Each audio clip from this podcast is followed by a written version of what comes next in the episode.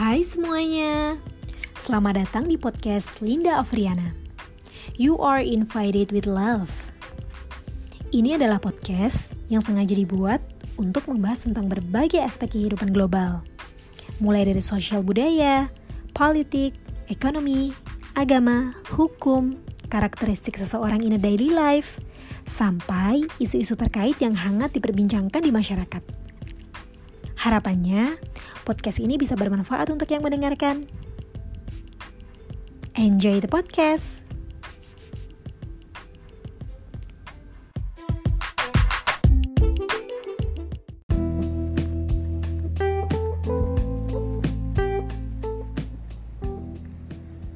Hai semuanya, selamat siang. Assalamualaikum warahmatullahi wabarakatuh. Hai teman-teman, terima kasih sudah meluangkan waktu untuk bisa join di live talk episode 8 kali ini. Hari ini aku nggak akan sendiri karena aku akan sengaja invite salah satu speaker atau bintang tamuku. Beliau adalah seorang entrepreneur, eh, seorang entertainer juga, seorang gamers dan juga seorang CEO di perusahaannya sendiri. Jadi hari ini aku akan ngobrolin uh, terkait dengan tema yang udah aku sepakati sama Om Denis di minggu lalu. Ya betul. Hari ini aku akan invite Om Denis Adiswara. Uh, kita tahu ya kalau misalkan Om Denis tuh adalah orang yang udah cukup lama kita kenal gitu kan di dunia entertain.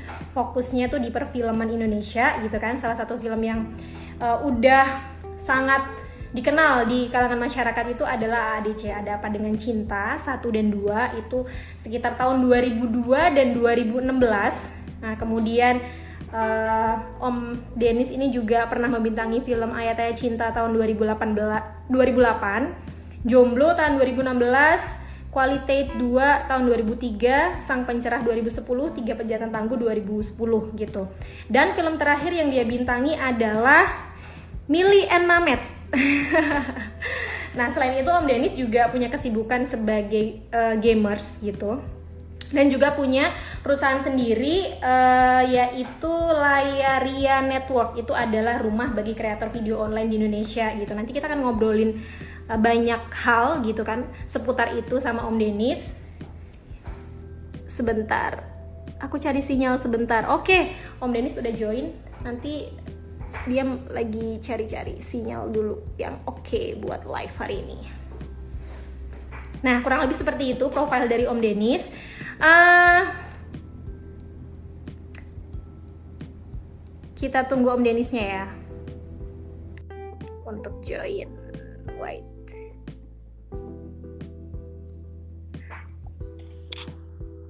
Oh. Hai Om Denis. Hai. Panggil Sorry ya, gue lagi agak kepanasan banget hari ini. AC gue kayaknya lagi rusak, so ya begini. Iya iya iya Om nggak apa-apa. Om, ini aku manggil Om apa Kak nih? Kak nggak, kak aja nggak apa-apa. Itu aku bikin akun namanya Om itu gara-gara pas bikin deket ponakanku, jadi itu adalah sebuah keputusan yang terlalu terburu-buru rupanya ya. Dan akhirnya jadi dikenal sama teman-teman di sekeliling tuh dipanggilnya jadi Om ya keterusan ya? iya, semacam itu. Eh, eh, eh, enggak, sorry. Nah, ya. Iya, teman-teman terima kasih uh, buat yang udah ngeluangin waktu dan join di kesempatan kali ini. Hari ini uh, kita akan ngobrolin banyak hal seputar side hustle sama Kak Denis gitu kan. Nggak mau dipanggil om yeah. guys. Biar awet muda. Jadi yeah, kita akan ngobrolin seputaran side hustle sama uh, Kak Denis gitu. Mungkin mm. mungkin gini Kak uh, karena ini kan orang tuh cenderung belum tahu ya sebenarnya side hustle itu apa. Kadang orang tuh cenderung menyamakan dengan side job gitu kan nah kalau misalkan hmm. ya kan? Kalau misalkan orang tuh kayak bingung apa sih side hustle one on one itu kan? Nah, nggak nggak bisa mendeskripsikan secara detail gitu loh. Orang mikirnya hmm. kalau side hustle ya berarti side job gitu. Padahal itu dua hal yang sangat berbeda gitu. Mungkin di sini kak Denis bisa menjelaskan ke teman-teman yang udah join hmm. sebenarnya apa perbedaan di antara kedua itu. Silakan kak. Hmm. Bedanya di mindset aja sih sebenarnya pada dasarnya activity-nya itu bisa jadi sama. Tapi okay. goalnya itu yang beda. Gitu. Kenapa aku bilang ini kata-katanya set hustle? Karena kebetulan gerakan ini ya set hustling dan segala macam ini itu eh, dimotori oleh sekelompok orang-orang yang sudah terbiasa ngantor ya di satu kantor ya dia punya udah punya gaji udah punya posisi di situ juga tetapi dia masih punya visi berbeda gitu loh ada visi di dalam otaknya itu yang belum belum ter apa namanya belum terpenuhi dan belum terwujudkan sehingga yang dilakukan adalah dia bikin usaha sampingan demi mencapai tujuan tersebut. Okay. Nah, yang membedakan dari side job itu adalah uh, motifnya. Kalau motifnya side job itu pasti biasanya untuk memenuhi ekonomi saja ya tambahan buat biar bisa hidup. Kasarnya gitu. Tetapi kalau set hustle kamu kalau bikin itu artinya adalah ketika kamu bikin pekerjaan sampingan sampingan tersebut tuh harus di di apa ya dikerjakan sedemikian rupa secara konsisten bertahap tapi pasti sehingga menjadi sebuah perusahaan nantinya. Oke, jadi gitu dari uh, istilahnya produktivitas itu menciptakan uh, satu visi baru ya Om, istilahnya gitu ya? Hmm. Intinya itu goalnya itu adalah kita punya perusahaan Mm-mm. yang mana sesuai dengan visi dan misi kita sebagai okay. individu gitu. Nah, tu- beda tujuannya di situ. Kalau saya job ya buat buat apa namanya? Buat nambah-nambah doang kalau set hustle lu tuh udah punya visi ke depan. Lu udah tahu lu bakal se pengen segede apa. Lu udah tahu lu bakal memberikan solusi apa ke masyarakat. Lu udah tahu lu bakalan punya impact seberapa besar ke masyarakat. Itu adalah set hustle gitu loh. Nah set hustle ini sama side job sama-sama dilakukan ketika kita juga memiliki pendapatan utama atau pekerjaan utama Oke oke. Jadi hmm. harus ada pekerjaan utama ya Om istilahnya. Iya. Oh, Nam namanya juga sampingan kan gitu, iya. side gitu loh.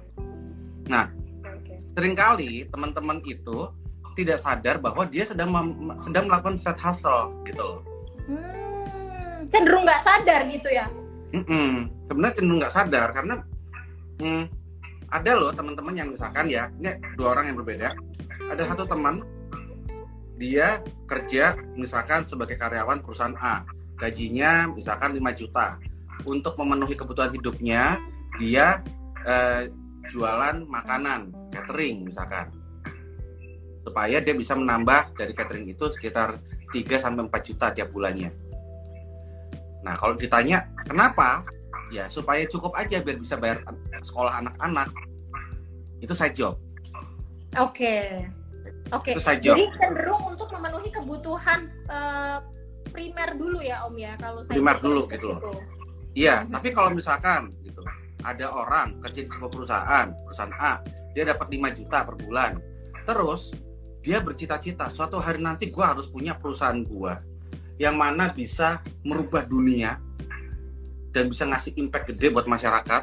Tapi gue mulai dari hal yang terkecil dulu. Terus dia bikin usaha sampingan ya. Dia bikin usaha sampingan dengan dengan modal sekecil mungkin dibikin di garasi rumahnya atau di hadap rumahnya dan uh, timnya masih beranggotakan keluarga aja plus ada satu atau dua tetangga. Mirip kan kayak kayak side job? Mirip. Iya mirip, mirip. om. Uh, Ta mm -mm. tapi dia sudah sudah punya visi gitu loh. Suatu hari nanti gue harus jadi gede.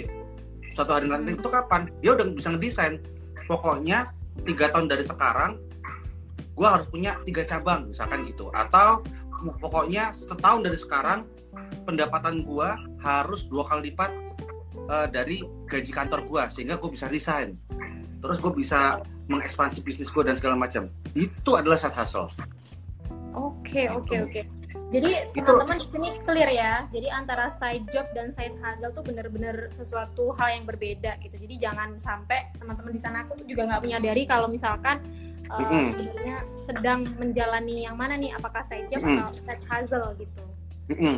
Dan apakah side hustle lebih bagus daripada side job? Iya, karena kalau kita lihat di jangka panjangnya nanti benefitnya tidak hanya kamu saja yang diuntungkan, tidak hanya keluarga kamu saja, tapi juga orang-orang yang kamu hire, orang-orang yang kamu pekerjakan, lingkungan kamu dan segala macam. Itu. Terus saya jawab, saya main dong. Ya nggak gitu juga, nggak gitu juga. Kadang-kadang orang masih ada yang belum tahu loh visi misinya itu apa, tetapi dia tetap harus bisa hidup, dan dia mau belajar bagaimana caranya jualan jasanya.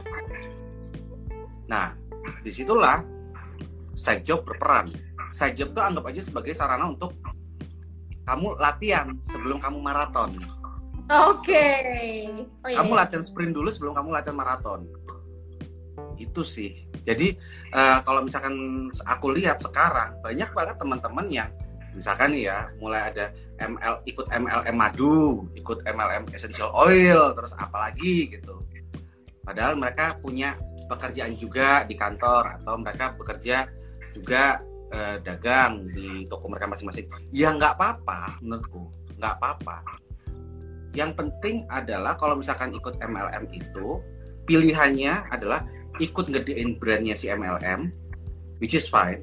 Atau kalau kamu berani dan kamu yakin ya kamu pelajari sistem MLM-nya itu seperti apa marketingnya seperti apa supaya apa? Supaya jadi bekal suatu hari nanti kamu bikin brand sendiri. Okay. gitu loh. Ya ya ya, uh, ya brandnya pun juga nggak harus madu juga. Kalau kita belajar jualan madu di MLM madu ya terus suatu hari nanti kita belajar apa kita, kita jualan baju ya nggak apa-apa. Tapi ada ya, ada ilmu marketing yang bisa dipakai kok di situ. Aku sama makan ya nggak apa-apa ya. Silahkan silahkan bukan bukan sponsor kok tenang aja. Apa sih itu? Pasti oatmeal ya? Hmm? enggak es krim. Kemarin tuh aku makan banget tau gak sih om waktu lihat story tuh kayak ya Allah makanya udah sehat nih sayur dan lain sebagainya. Ternyata taunya taunya oatmeal dong astaga. Cuma tahan satu hari. Lagi proses diet atau gimana sih om? Iya lagi ada ada project bulan Januari cuma aku mau nyicil dari sekarang oke okay, oke okay, oke okay. Ya, ya, ya. Oh, Om, ini aku mau nanya nih. Kan Om Denis nih salah satu uh, punya kesibukan juga sebagai CEO di perusahaannya sendiri kan. Nah, ya di Layaria Network itu. Itu kan rumah bagi kreator video online Indonesia kan, Om. Nah, itu tuh apakah salah satu goalnya Om Denis juga nih? Uh, dengan hmm. menekuni gamers ini om kan aku tahu nih kalau misalkan om Denny sekarang lagi fokus untuk uh, menekuni dunia gamers gitu kan setiap hmm. malam live gitu kan di Facebook hmm. atau YouTube dan lain sebagainya gitu apakah itu jadi salah satu goalnya juga om? Oke okay. jadi gini aku mesti uh, keliling dulu untuk layarnya sendiri sebenarnya sudah sudah apa namanya diakuisisi sama perusahaan lain namanya Web TV Asia di sekitar 2-3 tahunan lalu udah diakuisisi terus uh, apa namanya setelah itu aku sama teman-teman kebetulan bukan setelah itu sih pada saat aku bikin layarnya pun juga aku juga bikin ada dua perusahaan lain. Ya kan? Terus aku jadi fokus ke situ namanya Kratun itu khusus animasi dan Rombak Media. Terus di Rombak Media itu aku CEO juga di tahun 2018 akhir sampai 2019 akhir. Setelah itu aku uh, apa namanya mundur ceritanya tahun 2020 itu pengen coba istirahat main-main dan segala macam gitu loh ya. Tapi ternyata kok ya disuruh istirahat beneran dan di rumah beneran gitu loh. Gitu kan. Tapi gitulah. Uh, tapi di rombak itu aku juga masih ada ada share sedikit lah gitu loh. Jadi aku bener-bener masih apa ya masih ada di sana sini dikit lah Nanti aku jelasin itu kenapa. Iya, iya, iya. Nah, Nanti ya Om kita jelasin belakang gitu. Nah, visi misiku pribadi adalah aku tuh harus punya suatu hari nanti perusahaan tuh segede Disney. Wow, amazing. Iya, boleh dong gue punya cita-cita gitu. Boleh, mimpi itu gratis Om. Boleh. Mm -mm, cita-cita itu gratis gitu. Jadi gue boleh setinggi tingginya gitu kan. Yes. You agree? Gua gua pengen segede itu. Jadi yang gue lakukan adalah gue bikin perusahaan ngajak teman-teman ya yang nantinya setiap perusahaan itu bisa saling melengkapi mimpi gue untuk menuju ke mimpi gue jadi kalau kita lihat uh, perusahaan animasi gue bisa bikin kartun animasi. Gue juga punya ada uh, apa namanya sama temen gue bikin label komik. Terus abis itu gue uh, yang gue jadi CEO selama 2018 2019 eh 2018 sampai 2019 itu itu adalah perusahaan media. Oke. Nah, sekarang kenapa gue main game? Simple. Karena gue ngeliat banyak sekali penonton muda senang nonton game dan menjadikan aktivitas menonton game itu sebagai pengisi waktu ketika pandemi. Mereka nggak bisa ke mana-mana, uh, uang jajan untuk beli game juga berkurang, sehingga mereka mau nggak mau ya harus mending gue nonton aja deh gitu loh. Daripada gue nggak main sama sekali mending gue nonton aja. Dan gue melihat peluang itu ternyata penontonnya banyak. Makanya gue terjun ke live streaming game. Tujuan gue simple simple banget. Gue tahu hobi main game itu mahal. Jadi biarkan gue main game gue akan mainin lu tonton dan kalau sempet lu kasih gue tips gimana cara maininya supaya seakan-akan kita lagi main bareng. Dan kalau misalkan lu suatu hari nanti lu udah kekumpul duitnya untuk beli game tersebut ya silakan beli. Tapi sebelum hari itu terjadi yuk main sama gua. Okay. prinsip gua tuh cuma simpel itu. Gitu. Plus ada satu tim e-sports namanya GBH e-sports juga tujuannya itu tadi juga supaya apa supaya bisa main game bareng dan mengasah kemampuan karena ternyata di Indonesia ini banyak kok potensi-potensi keren untuk jadi atlet e-sports. Cuma masalahnya mereka kalau menurut gue ya, kalau menurut gue ya harus ditambah keunikan. Karena lu jago di sebuah game aja tuh kurang. Quote nah, unquote lo harus punya gimmicknya gitu. Nah itu om yang harus dibahas. Apa keunikan yang harus dipunyai om untuk menekuni satu bidang gitu, khususnya di game? Khususnya di game ya. Hmm. Lo harus bisa jadi gini deh kalau di tim GBH Esports itu kita biasanya uh, punya empat pilar. Kita berpegang teguh sama empat pilar. Pilar yang pertama adalah lo harus inspirasional. Apa pun yang lo lakukan itu harus bisa menjadi inspirasi baik buat orang. Harus bisa melihat orang orang kalau ngeliat lo itu harus ngerasa kayak nah. Oh, kirain paket, kirain gerbang lagi diketok-ketok. sorry sorry. Lanjut lagi Lanjut oh. Pertama adalah inspira inspirasional. Lo tuh harus bisa ngasih apa ya kesan ke penonton bahwa pas penonton ngeliat lo, mereka tuh bercita-cita pengen jadi lo. Nah itu dia. Mereka tuh pengen ngerasa bahwa dia adalah apa namanya si penonton ini adalah si idolanya. Okay, harus ada perasaan pertama. itu loh. Ya, iya, poin pertama harus inspirasional. Inspirasional ya Om ya. Iya, atau kata-kata gampangnya adalah lo harus bikin ya penonton lo ngerasa kayak lo itu gua banget gitu wih gua tuh Linda banget gitu harus Wih. harus punya perasaan seperti itu gitu loh iya Linda kamu tuh harus harus bisa gitu Linda iya, ke penonton iya, kamu iya makanya om salah satu visi dan istilahnya tuh misi aku tuh sebenarnya ingin mengenalkan aku ke audiens sih gitu. Jadi kayak aku bikin acara live ini sebenarnya ingin menunjukkan kalau misalkan tuh aku juga bisa kok seperti ini gitu. Aku juga bisa kok berkembang meskipun kan Om Denis tahu hmm. ya gitu ceritanya seperti apa. Ya nggak apa-apa. Jadi yang istilahnya aku menjual diri aku Om gitu. Mm -mm. Tapi yang penting adalah kamu harus menjual visi kamu juga gitu loh ke, orang-orang dan pastikan orang-orang tuh tahu visi lo sehingga mereka juga merasa terpanggil untuk bisa bekerja sama sehingga kita masuk ke poin kedua ya oke okay community building. Kalau lo sudah bisa menginspirasi segitunya, ya ke orang-orang, gue selalu percaya sama yang namanya uh, apa ya orang-orang yang berpikir sama pasti suatu hari akan berkumpul. Ya, ya. Orang-orang bermimpi sama pasti suatu hari akan saling bertemu. Nah, kalian harus ketemu. Ya walaupun sekarang ada pandemi kan ada ada Facebook group, ada WhatsApp grup atau apa bikin gitu loh. Harus bikin komunitas itu dan terjalin ter, terjalin komunikasi dengan baik. Gitu. Jadi harus ada community building di sini. Dua itu. Ketiga ya lo harus menghibur. Itu menghibur apakah harus lucu om? Harus ada lucunya kalau menurut gua. Oke. Okay.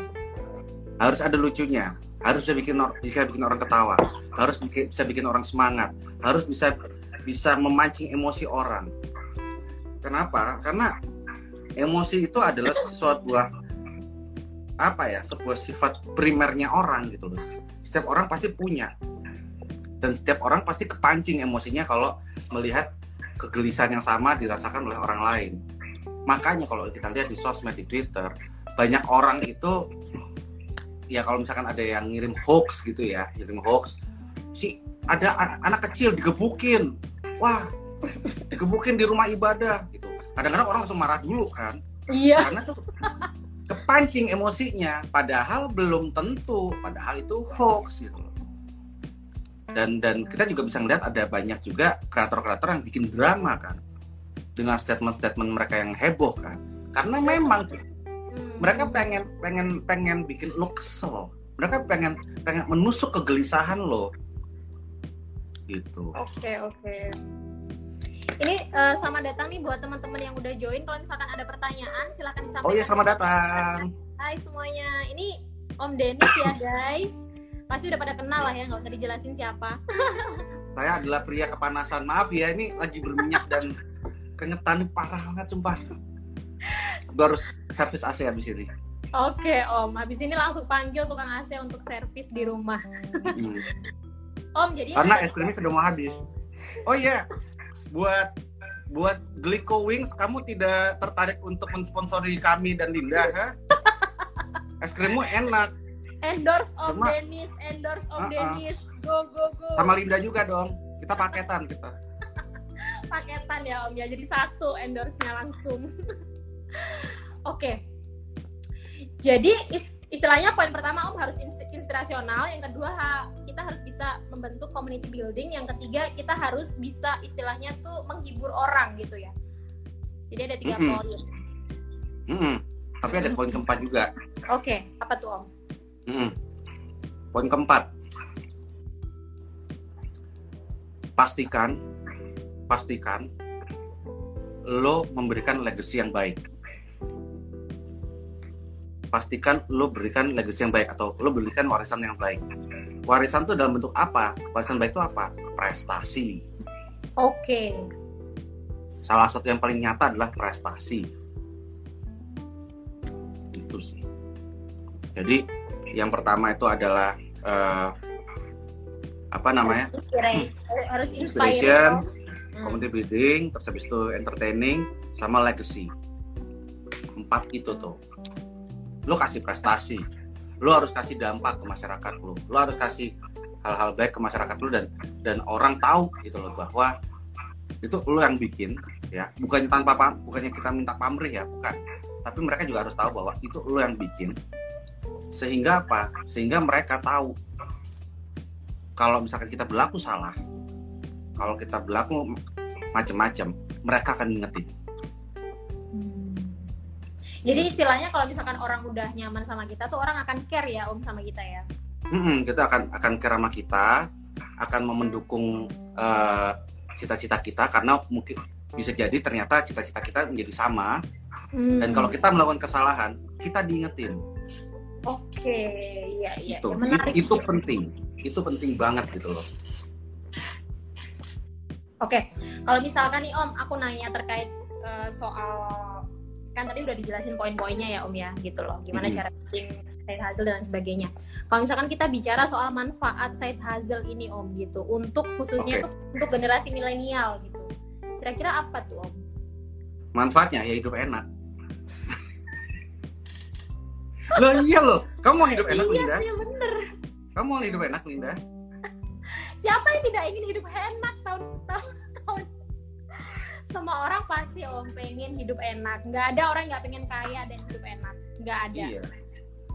Buat gua, hidup enak itu adalah kita melihat diri kita sehat dan baik-baik saja, keluarga kita yang kita cinta juga hidup sehat dan baik-baik saja. Dan yang lebih penting juga, ya, ya juga sama pentingnya, begitu kita keluar rumah, kita ketemu tetangga kita, mereka senyum dan sehat dan bahagia juga. Serius, hidup enak tuh begitu gitu loh. Nggak nggak cuma nggak cuma lo doang dengan dan dan lo bahagia asik di dalam rumah lo sendiri sementara di luar sana pada pada sakit-sakitan enggak enggak gitu loh. Lo harus sampai keluar rumah pas lo keluarin mobil terus ketemu tetangga lo terus mereka ketawa-tawa apa eh iya eh apa tuh? Gitu. Beli apa pak? Gitu. Iya nih ada pesanan mau nggak tak kirimin? Boleh ayo ntar makan bareng. Itu enak itu hidup bahagia buat gua. Itu surga kecil. Gitu. Dan dan uh, caranya ya tapi memang harus dengan kita agak usaha.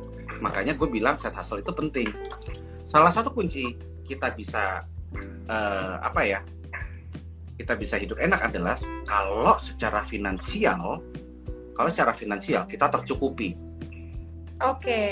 oke okay, ada riset yang sampai yang riset itu masuk ke TED Talk dia ngomong bahwa ya maaf ya ini gue ngomongnya agak-agak lompat-lompat dikit.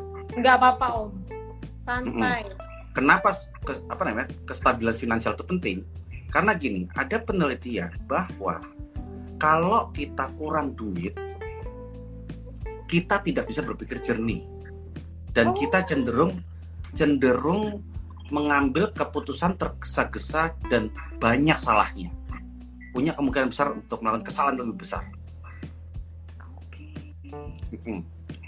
Kadang-kadang kan kita ngelihat bahwa kalau kita lihat di berita gitu ya ada demo inilah terus ada ada kerusuhan apa terus kita lihat yang ditangkap-tangkap itu pengangguran gitu kan iya iya kan kita ngelihat kayak iya. gitu kan nah di situ tuh sebenarnya ya mungkin kita ada sebelnya tapi kita juga harus empati ke mereka oh wajar kalau gue ada di posisi yang sama mungkin gue akan punya potensi seperti mereka.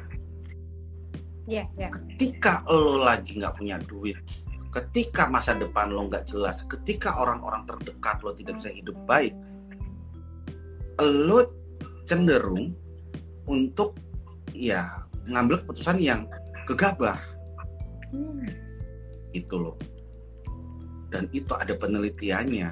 Nah, solusinya apa? Ya solusinya memang iya ada duit gitu kan tidak ada solusi lain jadi harus ada duitnya iya iya makanya makanya ada yang waktu itu bikin uh, apa namanya sistem ekonominya yang memungkinkan adanya universal basic income. Hmm. Pernah dengar nggak universal basic income? Pernah sih om, Jadi, tapi kayak ya jadi jadi gini kondisinya semisalkan lo nganggur ya semisalkan lo nganggur nah pemerintah akan mengalokasikan uh, dana dari pendapatan dan pajak mereka untuk menggaji lo sampai lo dapat kerjaan. Kayak yang udah dilakuin di beberapa negara maju ya om ya? Iya. Gitu loh. Nah itu itu adalah salah satu solusinya. Tetapi Nah, ini pas banget gua ke uh, Shaina nih. Shaina, ada pertanyaan. Halo Shaina. Apa pernyataan nih? Pernyataan. Udah, udah males juga soalnya kerja nggak dianggap orang kerja alias dibikin salah sama perusahaannya. Akhirnya pengangguran nggak mau usaha lagi karena usaha juga nggak dapat customer. Gitu. Oke, nah takutnya nanti ujung-ujungnya bisa kejebak ke situ itu itu yang bisa agak agak apa ya berbahaya dan jadi titik balik buat orang tersebut. Nah biasanya untuk mencegah gue bisa berpikiran seperti itu, gue mikirnya gini, uh, kalau lo mau stabil secara ekonomi, itu bukan lo dapat passive income. Tok, kan selama ini kan selalu tuh ada motivator ngomong, ya hidup dengan passive income, hidup dengan passive income. Iya, okay, benar good tapi itu nggak cukup oke okay. Itu nggak cukup itu nggak cukup atau mungkin guanya aja yang terlalu ambisius tapi itu nggak cukup gitu loh uh, menurut aku ambisius tuh perlu sih om gitu jadi kayak perlu tuh nge-build kita supaya kita terus ada tujuan dan visi di dalam hidup gitu loh oke okay. terima kasih kamu bela aku ya sudah kayak itu Linda Iya kemarin kan sempet yeah. om aku dengerin uh, live kamu sama Syafina kan bilang juga teman aku om. Oh kan gitu. Kan ah. bilang, Om Denis bilang katanya Om Denis itu akan merasa cukup kalau misalkan udah punya enam aliran pendapatan. Nah, kenapa yeah. Om sampai enam banget gitu loh? Kenapa nggak tiga? Kenapa nggak empat aja? Kenapa sampai enam? Simpel. itu itu simple banget. Pertama gue akan kasih tahu dulu enam ini dari mana aja. Iya, boleh. Oke. Om. Enam itu ya pendapatan pertama itu dari pekerjaan kita. Hmm, Oke. Kasarannya itu dari dari quote unquote dari kita digaji. Iya, dari pekerjaan utama lah istilahnya gitu ya, Om. Ya. Satu dari kita digaji, bentuknya gaji. Yang kedua adalah dari usaha sampingan kita. Kalau kita bikin usaha, kita berdagang dan segala macam, terus kita dapat keuntungan dari situ, nah itu adalah aliran kedua. Oke. Oke. Ketiga dari mana? Dari investasi. Investasi, oke. Hmm, investasi itu bisa bentuknya dari reksadana, dari obligasi negara, anything. Jadi begitu kita eh, apa namanya invest sejumlah uang, ditaruh ke instrumen-instrumen tersebut, setelah beberapa periode waktu, setahun atau dua tahun terus ada keuntungan, itu adalah sat- sumber pendapatan kita juga. Gitu. Hmm, Jadi buat teman-teman, aku saranin kalian untuk eh, kalau punya uang lebih nih, pokoknya kebutuhan primer sudah tercukupi banget, cicilan sudah kebayar banget. Kalau bisa, kalau bisa banyakin investasinya. Jangan nabung doang. Nabung di tabungan biasa itu cuma 0, sekian persen per tahun, Iya. yang ada lo potong sama biaya administrasi. Sementara kalau misalnya lo sama reksadana, ya setahun tuh bisa ya, bisa 11 persen. Udah bisa ngalahin, udah bisa ngalahin ini sih apa namanya? Udah bisa ngalahin inflasi. Itu, itu yang perlu kamu lakukan. Jadi Terus, ada ya yang apa? keempat Om, apa yang keempat kira-kira? Enggak enggak enggak. Tadi kamu mau ngomong apa? Sebelum keempat. Enggak sih, aku mau nanya yang poin keempat ini tadi Om. tadi kan udah ada pekerjaan kita yang pertama nih, yang kedua Mm-mm. tuh uh, usaha sampingan, yang ketiga tuh harus investasi gitu. Nah, makanya Mm-mm. poin empat sampai ke uh, enam nih apa nih kira-kira Om? Oke. Sampai ke 6 ya. Sampai ke 6 ya. Katanya tadi ada enam aliran kan Om? Iya, betul betul. 4 properti. Oke, properti. Ah, ah, Ya. properti gitu loh. Properti itu penting. Properti itu kalau bisa ya kamu kamu sadarin gini deh. Kamu kok pernah main monopoli nggak? Pernah dulu waktu kecil. Oke, kamu harus terusin main monopoli. Itu mengasah kamu sebagai apa orang yang bisa meng- mem- apa ya mengalokasikan investasimu. Itu sebenarnya bagus banget itu. Kim. Buat latihan ya Sampai- ya? Iya, aku sampai koleksi soalnya. Jadi lo bisa dianggap menang ketika lo punya komplek ya lahan di mana ada dua gedung merah dan dua gedung hijau itu lo udah auto kaya terus deh. Lo udah auto kaya gitu loh. Gedung merah sama gedung hijau itu apa? Gedung merah itu adalah hotel ya. Terus gedung hijau itu adalah properti rumahan. Oke, kalau lo nggak bisa bikin hotel, bikinlah kos-kosan. Itu juga termasuk hotel kok, walaupun eh, skalanya lebih kecil. Tapi ada pemasukan juga dari situ ya Om ya. Setiap bulan jelas, malah. tiap bulan malah. Itu, itu asiknya di situ. Terus kelima, tadi kan udah properti. Nah, kita ke licensing istilahnya. Licensing and merchandising. Licensing and merchandising ini apa? Ketika lo punya brand, terus brand lo itu banyak yang ma- suka sama lo, lo bisa kok bikin produk turunan dari brand lo. Walaupun yang bikin produk turunannya itu bukan lo.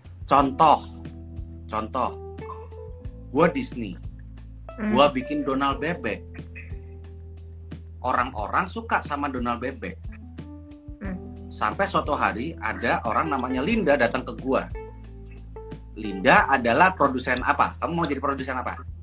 produsen eh, baju-baju eh, istilahnya baju-baju yang lagi eh, in sekarang om gitu aku pengen jadi pengusaha Mm-mm. baju sih, om gitu pengusaha clothing Yoi, pengusaha clothing. ya Ya, mungkin insya Allah semoga harus. Linda datang ke Disney karena Linda suka sama Donald, sehingga Linda ngomong sama Disney, Disney Disney, aku boleh nggak sewa lisensi Donald Bebek supaya bisa aku taruh di baju-baju terbaruku. Nanti aku akan bayar royalti lisensi ke kamu, Disney. Jadi Disney yang tidak punya pabrik baju ceritanya ya sekarang punya fashion yang ada gambar Donald bebeknya di mana Donald bebeknya itu dipinjemin ke Linda dan Linda bikin bajunya. Hmm, oke oke oke, I see. Itu lisensi. Itu lisensi gitu loh. Dan ini memang yang paling susah memang lisensi. Tidak semua orang bisa. Iya, iya, iya. Aku juga melihat orang Indonesia cenderung belum banyak yang mengaplikasikan ini ya, Om ya. Iya, iya, iya. Itu. Dan yang keenam sebenarnya cuma satu kata, eh cuma satu kalimat. Apa tuh, Om? Ulang lagi dari awal. Ulang lagi dari awal. Ulang lagi dari awal. Terlebih nomor dua sih kalau aku boleh saranin, mulai dari nomor dua lagi. Terus diulang terus. Hmm, oke oke. Jadi itu tadi ya teman-teman 6 kalau Om Denis tuh ngerasa safety istilahnya dalam hal finansial tuh kalau udah punya enam aliran Hmm. pendapatan gitu. Iya, kalau kalian yang enam itu sebenarnya cuma pemicu nambah aja sih. Iya, tapi nggak apa-apa sih Om. Jadi kan dapat istilahnya tuh dapat uh, insight positif nih dari Om Denis. Berarti oh selain nabung, selain investasi, istilahnya selain usaha sampingan, apalagi ya kira-kira gitu. Jadi ada poin-poin yang udah dijelaskan tadi. Semoga terjawab ya teman-teman.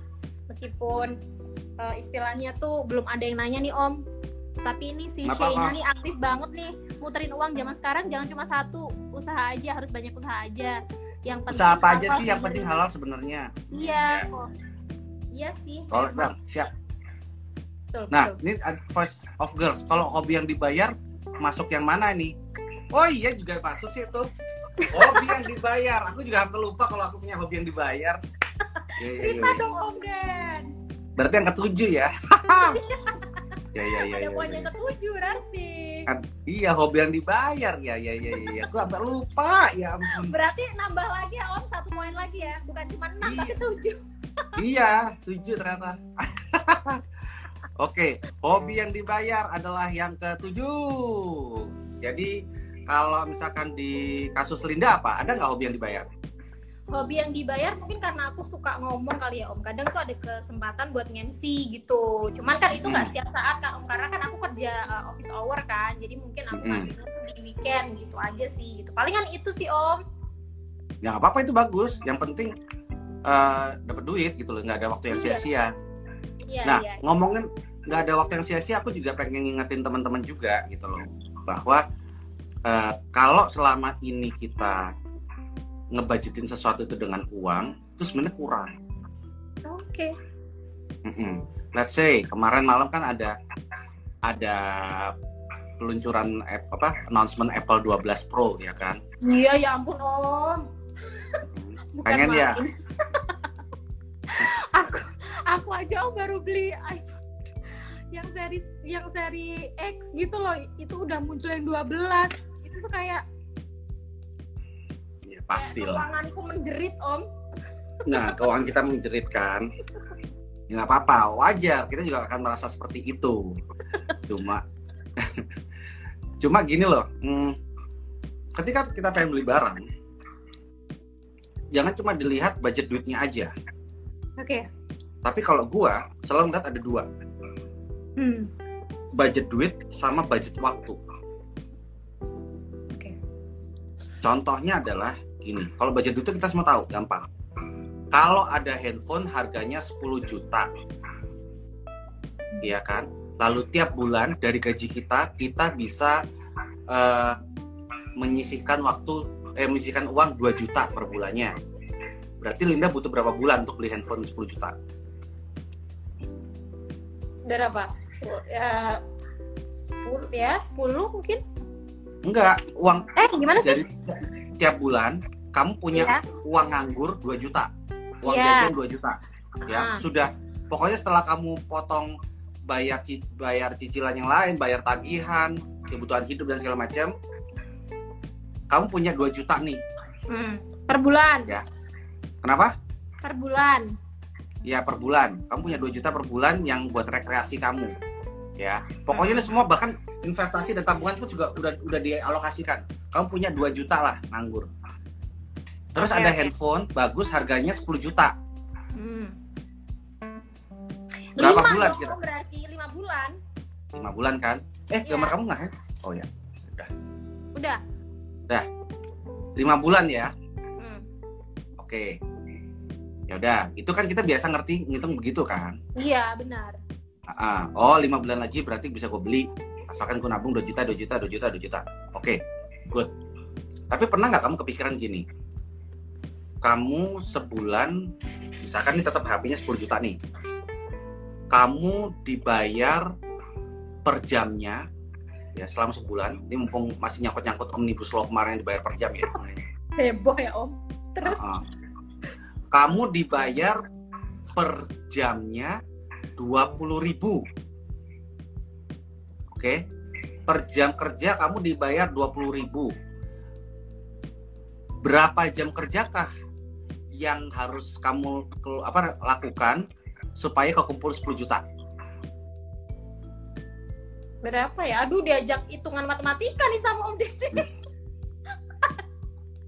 Pusing. Hah? Berapa ya om? Ayo berapa? Bisa. Ayo bantu teman-teman yang di rumah. Berapa Aku guys? Kok gue jadi online sih? Aduh Enggak, aku tuh gampang. dalam dalam hal penghitungan sebenarnya tuh. Ayo.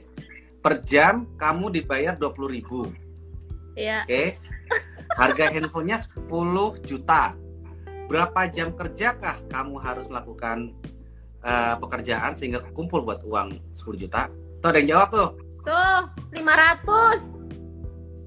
Wah, 500. Peter juga gitu. Halo Peter. Wah, ini CEO besar ini. Nah, ada yang ada yang jawab 5000 malahan om. Oh, enggak. Oh, Oli, Olivia, 500 Hai, bener. hai. Kamu saya hai ke Peter dong, Linda. Hai Om Peter. Ayo kita Kamu live harus- tuh kapan-kapan. Ih, semua Nah, orang tuh, langsung tuh. Wah, dia dia lagi keren tuh. Startupnya lagi oke banget soalnya. Lu Nanti harus aku kepoin Om. Nah, 500 kan? Itu artinya ada 500 jam kerja kamu yang harus kamu tukarkan menjadi 10 juta yang nantinya ditukarkan menjadi HP. Iya, iya, iya. Jadi HP kamu nih, ceritanya nih, HP kamu nih adalah perwujudan dari 500 jam kerjamu. 500 jam kerja yang kamu tidak bakal kembali lagi. Ini adalah waktu kamu di dunia. ya, ini adalah Yang waktu kamu di dunia yang kamu ya, potong demi HP. Iya, iya, iya. Gitu loh. Nah, sebelum gue biasanya beli barang mahal, itu gue juga mikir-mikirnya begitu. Worth it nggak nih barang mahal? Gue tuker sama jam apa? Sama waktu gue di dunia. Itu aja sih. Wow, pertimbangannya dunia akhirat ya Om. Karena ketika kita beli HP, ya, wealth kita, ya, harta kita, harta kita menjadi barang yang Ya, harganya bisa turun. Betul, betul, betul, betul. Gitu loh. Setuju Om.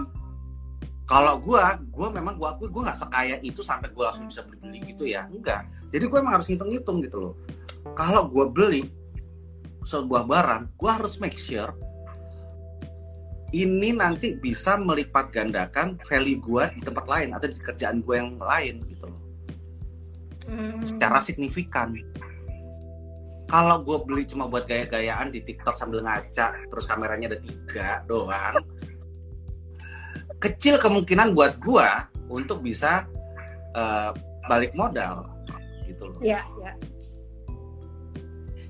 Wah, menarik sih Om. Jadi istilahnya kalkulasi istilahnya kalkulasinya tuh harus kita perhatikan bener-bener ya Om untuk membeli barang gitu supaya istilahnya tuh nanti bisa balik lagi ke kita untuk eh, istilahnya tuh untuk financial planningnya, Mm-mm. benar untuk finansialnya gitu. Iya. Uangnya maksud aku. Kayak misalkan aku baru beli kamera nih gitu sama lighting buat aku pakai eh, pada saat kita nanti live stream game gitu. Itu pun juga sudah aku perhitungkan matang-matang. Aku beli kameranya yang harganya tidak mahal-mahal banget. Hmm. supaya apa? Supaya nanti eh tidak mahal banget tapi cuk udah bagus ya. Supaya balik modalnya atau return of investmentnya lebih cepat gitu Oh loh ya namanya Dan- return of investment, Om bener sih. aku tuh financial tuh masih kayak, aduh, belum melek gitu loh om ya cuman tahu sih kayak suka yeah. ngikutin akun-akun di Instagram gitu soal financial planning dan lain sebagainya gitu Iya, tapi return of investment tuh nggak nggak sekedar cuma balik dalam bentuk duit aja. Kadang-kadang kan juga kita bisa kejar dalam bentuk misalkan ya exposure. Ya. Yeah. Gue gue beli kamera bagus, uh, mungkin gue dalam waktu enam bulan ke depan gue nggak dapet duit, tapi follower gue jadi makin banyak secara signifikan karena didukung oleh kamera bagus. Itu juga bisa. Hmm. Cuma follower gue jadi banyak secara signifikannya itu kan juga harus dihitung. Ada iya. perkiraannya, ada projectionnya. Jangan cuma impulsif cuma biar kelihatan keren doang gitu. Oke oke oke. Keren keren, menarik om. Nah om, kalau misalkan aku kita kan tadi bahas soal uh, planning gitu kan ya. Kalau misalkan aku nanya ke Om Denis, kira-kira kesalahan apa sih Om yang sering dilakukan oleh millennials di skala usia yang memang sekarang tuh udah banyak ya, yang istilahnya tuh melek soal uh, finansial uh, inklusi gitu. Nah, kira-kira tuh yang sering Om Denis temui gitu millennials tuh gimana sih Om gitu gua, dalam mengatur okay. uangnya oke okay. uh, kalau mengatur uang udah banyak sih yang ngomongin banyak aja Om apa serius ya? Contoh ya udah nggak usah tahan ya nggak usah tahan ya. Banyak banget nih yang beli barang ya yang harganya lebih dari setengah gaji bulanannya. Banyak banget nih ya, yang ya. nyicil barang yang nilai cicilannya itu lebih dari ya bisa mencakup 45% lebih dari gaji bulanannya itu juga berbahaya gitu Terus habis itu merasa bahwa oke okay, kita adalah pejuang cicilan, ore gitu. Kalau kita dicicilan kita jadi semakin terpacu ya. Iya. Tapi tapi kalau kita kita tapi terpacunya tuh beda gitu loh terpacu duitnya dikit sama terpacu duitnya banyak dan waktunya banyak itu beda karena ketika lo lo apa ya ketika lo ada di posisi kurang duit lo jadi jadi pengen kerjaan ini dan itu sehingga waktu lo habis padahal kekayaan lo tuh harus lo harus sadar bahwa kekayaan itu ada dua kekayaan waktu dan kekayaan uang waktu luang yang lo punya itu pun juga sebenarnya kekayaan okay. waktu itu gitu pakai guys.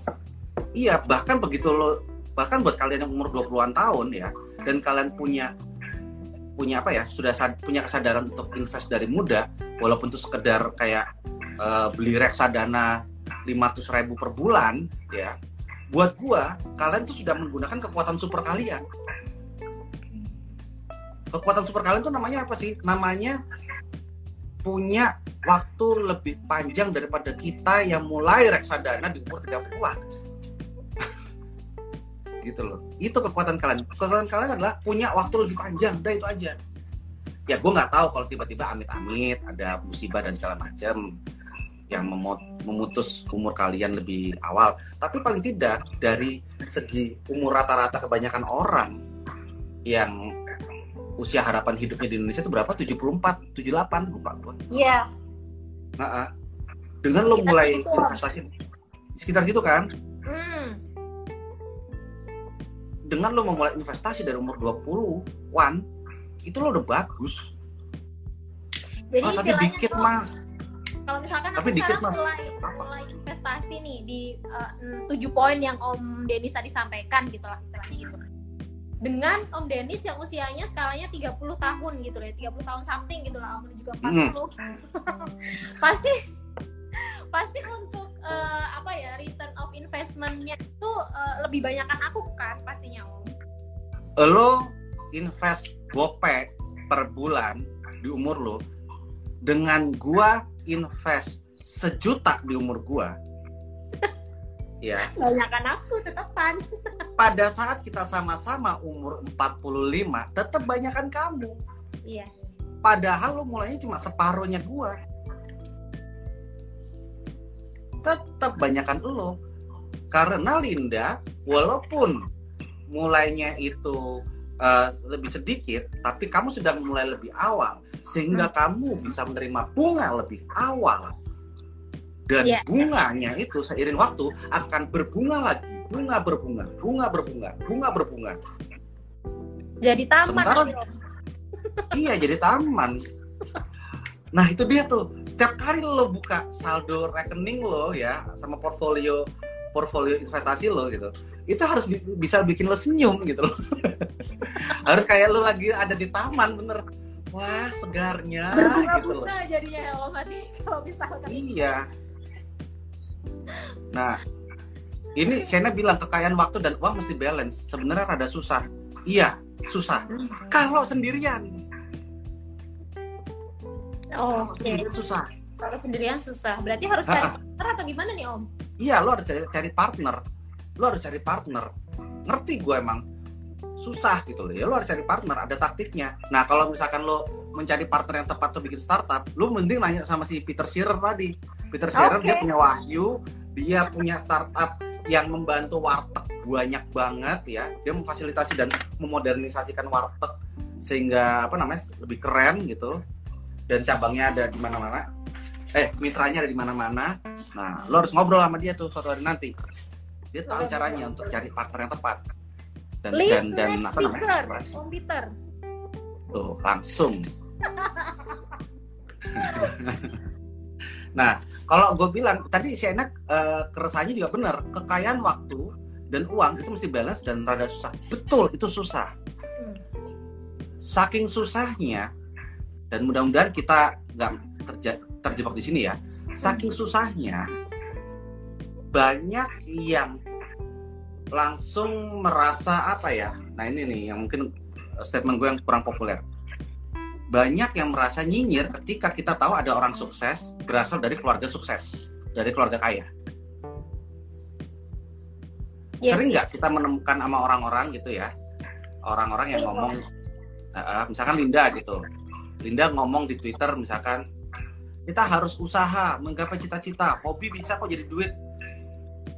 Terus ada tiba-tiba ada netizen yang bilang ya iya Linda lo kan dari keluarga lo kan kaya. Lo punya privilege. Iya. Ya bener kan? pasti akan ada aja orang yang julid kayak gitu. Oke. Okay. kalau buat gua gua dijulidin kayak gitu nggak apa-apa. Silakan. Keluarga gua memang awal sebelum gue lahir pun juga eh sorry pada saat gue lahir agak lumayan memang. Kami memang lumayan beruntung ada privilege itu. Iya memang. Tapi tapi mau nggak daripada kelamaan julid? Mau nggak dari kelamaan julid? Lo gunakan waktu lo ya, yang mana itulah harta lo juga waktu lo untuk riset orang tersebut. Kenapa ada sebuah ada seorang pengusaha sukses lahir dari keluarga kaya. Keluarga keluarga kayanya itu asal kekayanya dari mana? Dari mana aja? Dan apakah dia akan selama itu apa dari dulu memang sudah kaya? Coba ditilik lagi kakeknya. Apakah kakeknya sekaya itu? Coba ditilik lagi buyutnya. Apakah buyutnya sekaya itu? Gua berani taruhan, nggak ada orang yang keluarganya terlalu kaya semua butuh kerja keras ya Om dan juga usaha ya. Semua orang yang punya gedung di Jalan Kuningan dan di Jalan Jenderal Sudirman dan Tamrin, gue kasih tahu ya, empat generasi sampai lima generasi di atasnya pasti juga makan ubi rebus di kampungnya. Iya sih Om, benar, setuju Om gini sih om kalau fenomena bullying itu ya om ya. Kita ngeliat kayak misalkan Putri Tanjung gitu anaknya Pak Cete gitu. Itu kan kayak misalkan dia juga aktif juga kan om di beberapa forum dan bikin startup dan lain sebagainya. Cuma orang tuh kayak ngelihat dia sukses karena ayahnya. Itu kan juga sebuah privilege yang sebenarnya disalahartikan sama orang lain. Tapi kita nggak pernah tahu kan sebenarnya dia tuh udah usaha kayak gimana gitu. Kalau yeah. kita sebut nama nih om gitu contohnya. Contohnya siapa misalkan? Ya ya siapa pun sih sebenarnya. Kalau kita ya, siapa pun sih sebenarnya. kasusnya si Putri tadi aku juga temenan sama Putri kan. Aku juga temenan sama Putri. Iya loh aku teman sama Putri gitu. Kita beberapa kali kolaborasi terus gitu loh. Dan kalau menurut aku ya memang memang hmm. dia ada privilege itu. Iya, iya. iya. bapaknya keluarganya dan segala macam memang punya kerajaan media dan punya usaha macam-macam tapi lo lihat kakeknya deh iya iya. Gue yakin kakeknya nggak sekaya bapaknya dan gue yakin buyutnya nggak sekaya bapaknya. Dan gue yakin bapaknya buyutnya nggak sekaya bapaknya. Mungkin kalau kita telusuri lagi mereka itu keluarga petani asalnya. Iya iya. Orang-orang yang kayak misalkan misalkan ya ada orang kayak kayak misalkan siapa ya uh, yang punya punya daerah-daerah kayak BSD dan segala macam. Gue yakin kok mereka adalah pengusaha yang yang lahir dari keluarga yang memang punya privilege. Tapi tiga atau empat generasi sebelumnya itu juga orang-orang susah. Hmm. Yang di sini adalah poin yang pengen gue kasih ke lo adalah kalau lo mau kaya, lo butuh waktu. Gak ada lo butuh instan. usaha, nggak bisa instan. Bahkan usaha kerja kerasnya itu harus dari satu generasi diwariskan ke generasi berikutnya supaya bisa sekaya itu. Kalau lo ngerasa sekarang kayak ngerasa, aduh gue helpless, gue gue apa namanya eh, nggak uh, kaya nih gitu loh. Ya lo harus mikirin gimana caranya supaya bekalin anak lo, ya, supaya nanti begitu dia sudah gede, dia nggak sama menderitanya kayak lo dan dia bisa mewariskan kekayaannya, baik itu ilmunya maupun uh, kekayaan materinya dia ke anaknya lagi ke cucu lo gitu loh. Dan diterusin terus terus terus terus ya gue nggak perlu nyebut ya nama ada satu konglo ya ada satu teman konglo. Dia sekarang udah punya pabrik terigu pabrik uh, uh, makanan instan. Dia punya macam-macam lah pokoknya. Tapi kalau dirunut ke belakang bapaknya cuma punya pabrik terigu doang sama pabrik makanan instan. Dirunut kakeknya? Kakeknya punya apa coba? Kakeknya itu yang rintis pabrik uh, terigu tapi mengawali karirnya sebagai agen distributor sembako. Sebelum itu leluhurnya lagi kalau tarik satu generasi di atasnya lagi ngapain? Petani. Iya. Butuh lima generasi untuk bisa kerja keras dan nabung segitu banyak kekayaan sehingga bisa menjadi seperti sekarang. Jadi kalau misalkan lo ngejulitin orang, ya iyalah keluarganya kaya dan lo berlama-lama ngejulitin dia, lo sedang membuang harta berharga lo yang bernama waktu. Itu yang buat gue uh, sangat gue sayangin di kebanyakan orang-orang. Nggak apa-apa deh, lo julitin, ya, ya, ya gitu oke okay, lo akan mendapatkan mungkin pada saat lo julid lo akan dapat retweet atau like terus lo puas iya yeah. gitu. gue kadang-kadang ngeliatin posting itu terus lo puas lo memuaskan diri lo sendiri gitu loh lo nggak mau cari tahu gimana susahnya dulu kakek dan leluhurnya dia kalau lo pengen cari tahu lo akan tahu caranya gimana untuk mempelajari bagaimana mereka sukses dan lo aplikasikan ke kehidupan lo Iya. Ya. Jadi sekarang prinsip gua adalah gua nggak boleh mati dalam keadaan lebih miskin daripada orang tua gua. Minimal itu aja dulu deh. Minimal Jadi itu dulu ya, bisa. ya. Minimal Karena, itu dulu aja. Iya, iya, iya. Karena untuk capai tujuan istilahnya untuk sukses yang jangka panjang itu juga butuh proses yang panjang juga ya Om ya. Bahkan lintas iya. generasi gitu. Iya, dan bisa lima generasi. Menarik ya Om. Om ini kan karena live-nya cuma satu jam. Kira-kira Om Denis berkenan yes. nggak kalau misalkan setengah jam lagi untuk ngobrol ini? Tapi nanti ini aku close dulu.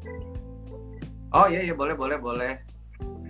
karena boleh ini kayak teman-teman pada antusias nih Om, banyak yang join juga nih. Iya nih aku juga pengen say hi nih. Hai Hapniap, hai Karina Larasati, hai Ading, hai Krisna Graha. Hai semuanya. Om hari ini habis ini uh, aku matiin dulu. Terus nanti kita join lagi ya om ya. Setengah jam aja om. Asik nih om. Ya ya ya ya siap siap siap. Oke. makasih ya dah sampai ketemu lagi Bye. sebentar lagi lanjut lagi di live lagi ya ya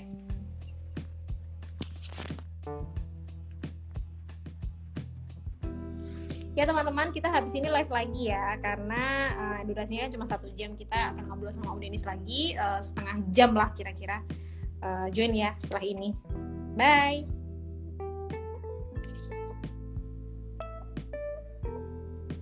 Nih Om Denisnya udah join sebentar. Hai Om. Hai juga Linda. Lanjut ya Om. Wah iya tadi emang takut kan emang aku save ya om ya di IGTV jadi takutnya kalau cuma sejam tiba-tiba mati sendiri itu kan jadi nggak bisa di save gitu iya nggak apa-apa nggak apa-apa nggak apa ya nggak apa-apa santai tahu kok tapi om Dennis hari ini uh, lagi sibuk ngapain aja sih sebenarnya om tadi udah ada kerjaan sih sama tadi belanja juga keluar. Yang Oh, mana iya bel- belanja cuma ke nggak tahu ya cuma ada ada toko buah satu setengah kilometer dari sini. Itu udah senang banget rasanya sumpah. Senang banget. Jadi selama PSBB ini berarti om Dennis di rumah terus dong? Nggak keluar ke mana-mana? 97 persennya di rumah terus. Oh oke oke.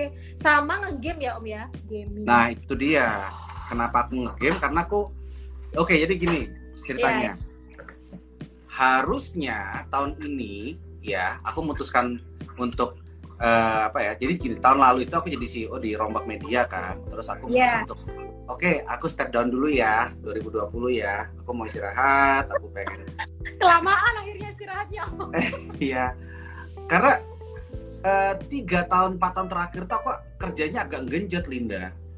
Oke oke Kerja aku agak genjot gitu lah. Aku aku Sabtu Minggu tak genjot terus habis itu tidur sy- syukurlah cukup 7 jam tapi eh, mengorbankan waktu nonton series, mengorbankan Hmm. waktu nonton apa main game gitu kan. Baca komik juga jarang banget. om Dennis suka baca komik Suka banget. Ini aku lihat juga kalau misalkan ngeliat story-nya Om Dennis sih sering ada itu ya Om ya nonton sama istri ya agenda rutin atau emang gimana tuh Om? Iya, agenda rutin tuh pasti biasanya kita ngeluangin waktu dua jam lah nonton di Netflix gitu atau di streaming mana pun gitu ya nonton series kayak atau nonton film kayak gitu. Seru Harus banget ada. sih asli. Iyalah, ya gampang kan gampang tinggal membership. aku nggak aku nggak bilang cepetan kawin nggak aku nggak akan ngomong gitu Enggak, enggak aku juga belum berkeinginan Om sebenarnya. Jadi janganlah ditanya ya kapan itu. Pertanyaan Enggak, kapan enggak akan. cukup lebaran aja munculnya. ya tenang gue bukan tipe gitu gue malah tipe gue gue senengnya kalau misalkan lo menggunakan waktu lo ini untuk nggak tahu ya untuk cari tahu apa yang lo pengen ap- Hmm. visi misi lo tuh gimana dan lo udah tahu gimana caranya bikin lo bahagia sehingga ketika lo nanti ketemu sama orang yang tepat lo nggak menyuruh dia untuk apa ya ngasih tanggung jawab dia untuk membahagiakan lo lo bisa bikin Iya. lo bisa bahagia lo sendiri Karena gue udah bahagia sendiri ya Om dengan cara gue sendiri. Iya. Iya. Iya, Keren, betul. keren banget sih Om ini. Keren keren asli. Iya. asli. Enggak udah banyak yang mikir gitu, cuma banyak yang diem-diem aja. Om, tapi sebenarnya gini sih, aku penasaran nih kayak eh, Om Dennis kan waktu menekuni dunia entertain ini, ini bahas entertain dikit ya Om ya. Pernah waktu Boleh, main film Mi- Milian Mamet itu sampai disekolahin sama Ko Ernest buat masak. Iya, Iya kan? Itu Dan- kenapa sih bisa sampai kayak gitu? Padahal istilahnya kan Om Dennis udah lama nih gitu menekuni dunia acting gitu kan. Tapi kok Ernest sampai meluangkan waktu untuk menyekolahkan Om Dennis nih di eh, untuk supaya misalkan actingnya supaya bagus gitulah ya gitu. Itu kenapa Om bisa sampai seperti itu? Ini Karena dia- iya. Karena dia tahu Hai tangan Chaf, saya. tuh Syafina gabung tuh Om. Hai. Hai Chaf. Iya. Iya. Ya wajar karena dia tahu tangan saya kaku. Gitu loh. Tangan saya kaku kalau untuk urusan masak memasak sehingga ya ketika saya mendapatkan peran sebagai chef yang sudah profesional mau nggak mau kan saya harus meyakinkan penonton ya bahwa apa yang saya lakukan ya itu meyakinkan sebagai chef gitu. jadi ya saya harus disekolahin lagi dong banyak yang mengira bahwa kalau yang namanya acting itu cuma mukanya doang sama suara enggak badan pun juga harus acting kan termasuk Oke. tangan kita ketika kita melakukan sesuatu sesuai dengan pekerjaan si karakternya gitu Iya, iya. Gitu iya, sih. iya. Makanya dari situ sekolah lagi ya Om, sekolah masak. Panas ya Om ya? Langsung. panas nih makanya sebel ntar tak tutup dulu jendela aduh biar AC-nya nggak ini Hai Syaf, lagi apa? Liputan nggak? Lagi banyak demo nih, hati-hati ya guys. Yang Siapa? teman-teman- Ini Syafina nih Om. Oh Syafina, hai. Hai. Kalau liputan di luar hati-hati Syaf. Lagi banyak demo, stay safe ya. Kalau kamu sendiri kerjanya apa sekarang Linda?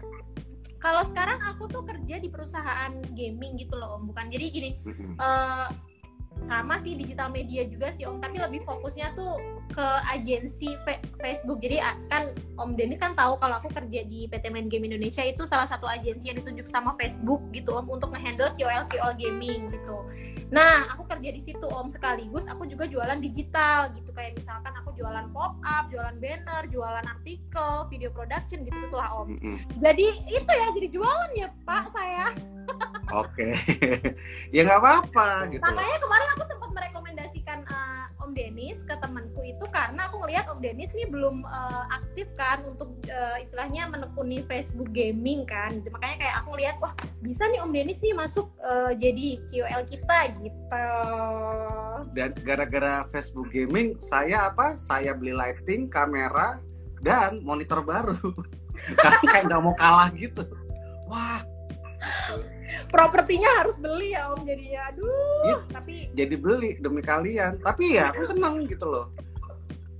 Karena buat aku tuh kalian ini ya apa namanya eh, teman-teman gamingnya juga banyak yang sangat-sangat mendukung gitu loh. Kayak kemarin tuh ada si siapa Septiologi, terus habis itu ada Iya. Ivan gitu, Iya, ada Bang Timor, kalau- macam-macam lah. kalau lagi mal kalau misalkan Om Denis lagi live stream tuh rame banget sih asli sih. Dan gini Om eh, kalau aku lihat Om Denis tuh asik aja gitu bawaannya. Apa mungkin karena bawaan pembawa pembaca itu ya eh, orang radio ya Om ya? Jadinya kayak Bukan, jadi kayak bukan. asik gitu loh. Bukan, tau ini ada Om Denis ini ada Pak Frans. Pak Frans ini adalah salah satu next speakerku. Beliau adalah seorang staf ahli Menteri Keuangan Oke, di bidang pengawasan pajak Hai Pak Frans selamat bergabung ya. Silakan. Wah, Pak Frans lagi ngeliat contekan nih hari ini. Wah, bakal ditanya-tanya apa saya? Halo Pak Frans. Iya. Pak Frans. Iya Om, jadi gimana Om? Tadi tuh. Enggak, aku tuh bukan pembawaan ya ya alhamdulillah sih kalau aku dibilang pembawaannya enak cuma sebenarnya ketika aku main game itu ya game yang aku mainkan itulah game yang gimana ya? Itu ada dua ekspresi. Satu adalah gua excited karena oh ternyata selama ini gua kerja game ini rilis dan game ini keren banget ya gitu loh. Ke mana aja gua ketika orang-orang lagi pada asik main game ini gue baru main sekarang gitu loh. Dan itu gue ngerasa kayak oh iya ya sekeren ini. Ya pantesan kan waktu itu ngomongin dan gue nggak nyambung gitu loh. Itu perasaan gue dan yang kedua adalah gue ngerasa seneng karena gue bisa main sama temen-temen yang yang juga sehobi gitu loh Oke oke oke. itu makin makin double lagi makanya tuh ada Encip biasanya kalau aku siaran bareng kan sama dia kan Iya. itu anak emang anak rusuh gitu dia dari tim e-sportsku kan dia emang rusuh Jadi emang rame. anaknya Jadi tuh waktu live tuh rame banget Om. Jadi kayak ya Allah, aku aja ngeliatnya kayak emosi nih gitu kayak aduh pengen pengen kayak pengen main tapi nggak bisa gitu. Nah, sensasi itu tuh yang pengen main bareng sama penonton tuh emang pengen pengen kita tajemin lagi sih. Masih banyak kekurangan sih. Aku juga pe- pengen pengen perbaiki lagi. Makanya aku hari ini libur streaming dulu karena aku pengen nontonin streaming teman-teman lagi. Oke. Aku pengen cek aku pengen cek lagi gitu loh. Apa yang membuat mereka itu keren? Apa yang membuat mereka itu uh, engage engaging ke penonton gitu. Itu penting gitu loh. Iya sih Waktu diskusi ke temen ya Om istilahnya biar eh, pada saat live gitu is- bisa istilahnya bisa nyatu lah sama teman-teman yang join gitu. Mm-mm. dan dan memantau orang-orang tuh juga penting juga mantau kreator-kreator lain yang sudah duluan itu juga penting makanya aku hari ini mau tak co- coba libur dulu plus ini plus eh, aku pengen coba meriset kepalaku dulu karena sudah berapa malam terakhir ini ya hampir tiap hari aku main game horor terus ya. Iya, sehingga aku aku join. itu aku juga sempet takut Om kalau ada yang share gitu kan suara kayaknya denger gitu kan. Kayak kayak dengeran kayak aduh gitu ini malam-malam lagi. Gitu. iya. Gue tuh nggak bisa tidur tau nggak Linda? Eh Om Dede sih penakut ya jujur deh. Nggak penakut tapi kagetan. Ketahuan asli ketahuan aku orangnya gampang kaget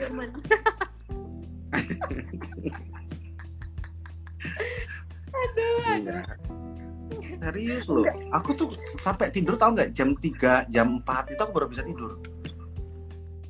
Karena main horor. Karena horor ya Aduh. Iya, padahal streamingnya kan selesai jam 11 gitu kan. iya benar Tapi gara-gara non main game horor yang cuma 2 jam 3 jam per hari, adrenalin lo naik gitu kan, heart rate lo naik, deg-degan gitu. Terus pas malam tuh pas pengen tidur, mampus tuh nggak bisa tidur. Dan dan kalaupun tidur agak cepat kebawa mimpi lo. Wah gila. Ya Allah om aku nggak kebayangin sih sampai ke bawah mimpi sih aku pikirnya cuman kayak eh, nggak bisa tidur aja gitu sampai ke bawah Gua- berarti Gue mimpi parah dikejar setan. Apa pun ending, apa apa pun mimpinya, pasti endingnya dikejar setan. Nah makanya gue pengen tanya sama teman-teman yang biasa live stream PUBG, apakah mereka mimpi ditembak-tembak kah gitu? Atau anak-anak Free Fire, apakah di Hah? sini yang suka main coba komen deh di kolom komentar iya? Hai teman-teman eh, streamer Free Fire, apakah setiap kali kalian mimpi selalu diteriaki bocil, give alok bang, give alok bang, gitu nggak? Siapa tahu loh. siapa tahu jadi kebayang-bayang sampai tidur sampai ke bawah mimpi Iya. Give alok, give alok mulu. Waduh. Nah ini Om, ini menarik sih gitu kan karena Om Denis kan juga sedang menekuni gaming nih gitu. Yang Om Denis lihat dari gaming ini apa sih Om benefitnya gitu kan? Kalau misalkan Om Denis eh, istilahnya setiap malam gitu kan live stream terus join di teman-teman komunitas eh, gaming gitu. Kira-kira nih Om Denis ngelihat apa nih dari gaming ini sendiri Om? Oke, buat teman-teman mungkin yang eh, ini gini, ini cuma pemantauanku aja ya. Ini cuma Iya. pemantauanku aja, ya. Dari orang, dari streamer-streamer yang aku lihat, gitu, mereka semua sadar atau tidak sadar, mereka semua sebenarnya sed- sedang performing something. Mereka itu performer. Di mataku mereka cuma tidak hanya cuma bermain game, tetapi mereka memainkan game tersebut sekaligus ya sekaligus menularkan ekspresi dan emosi mereka saat memainkan game tersebut sehingga bisa dirasakan oleh penonton yang sedang nonton di rumahnya masing-masing. Jadi kayak sensasinya tuh dapet ya Om, gemesnya Iya, itu. iya. yang mereka lakukan adalah ya itu mengajak penonton untuk berempati ke mereka. Mereka ngajak penonton untuk eh, apa namanya masuk ya ke dalam permainan dan ke dalam cerita yang dibawakan. Dan itu seperti performer sebenarnya. Mereka seperti pen- pencerita sebenarnya. Cuma mediumnya atau alat alat apa namanya alat bantunya adalah komputer, handphone, dan sinyal sinyal kencang itu aja Iya iya iya. gitu.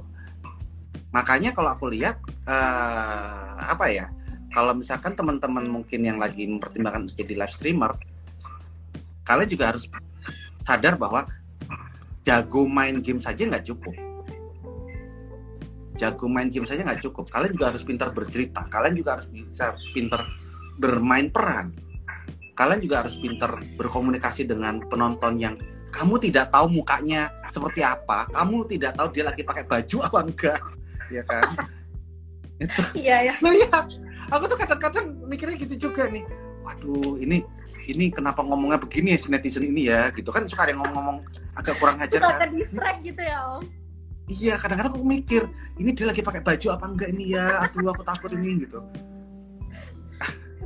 Tapi iya sih Om bener sih kayak gini ya Om ya. Misalkan aku lihat Om Denis gitu pada saat live streaming gitu, itu kan ngelatih otak kanan dan kiri Om untuk berfungsi secara bersamaan gitu loh. Betul. Jadi Ya, itu keren tapi- banget sih Om gitu. Dan kamu bisa gitu loh Om, untuk eh, istilahnya tuh touch ke audien gitu. Itu keren asli sih. Kalau game petualangan dan horor bisa. Tapi kalau ya sama game casual bisa. Ya pokoknya kayak ke mana aku main sama Cip. Eh, tuh ada Cip tuh. Halo Cip. Hai Cip. Siap sadar dan katanya. kalau main game-game casual gitu asik-asikan itu aku bisa tapi kalau misalkan game-game e-sports yang beneran ya wah itu udah bukan otak kanan sama kiri lagi tuh wah udah semua sudut otak otak banyak selatan ya. otak utara juga terpakai semua itu sih wah gila. Pakai semua. Aduh aduh. Iya loh aku ngeliat orang-orang yang main ya teman-teman dari apa KOL KOL yang main games tuh brutal brutal mainnya. Brutal tapi menyenangkan gitu loh. Eh mati lo haha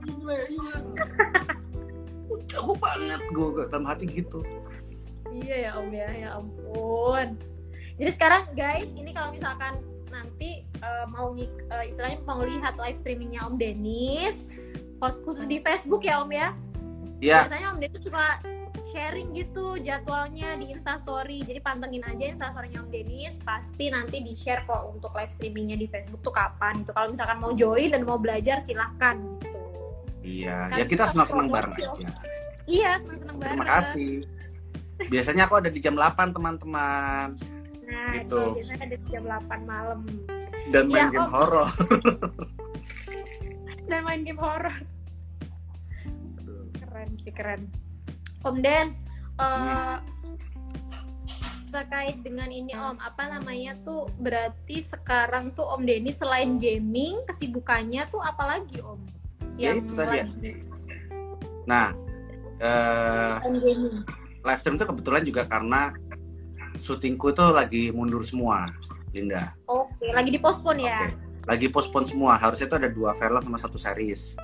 Nah, hmm. pas kemarin bulan Maret itu kita sudah syuting sekitar seminggu terus harus harus berhenti karena PSBB.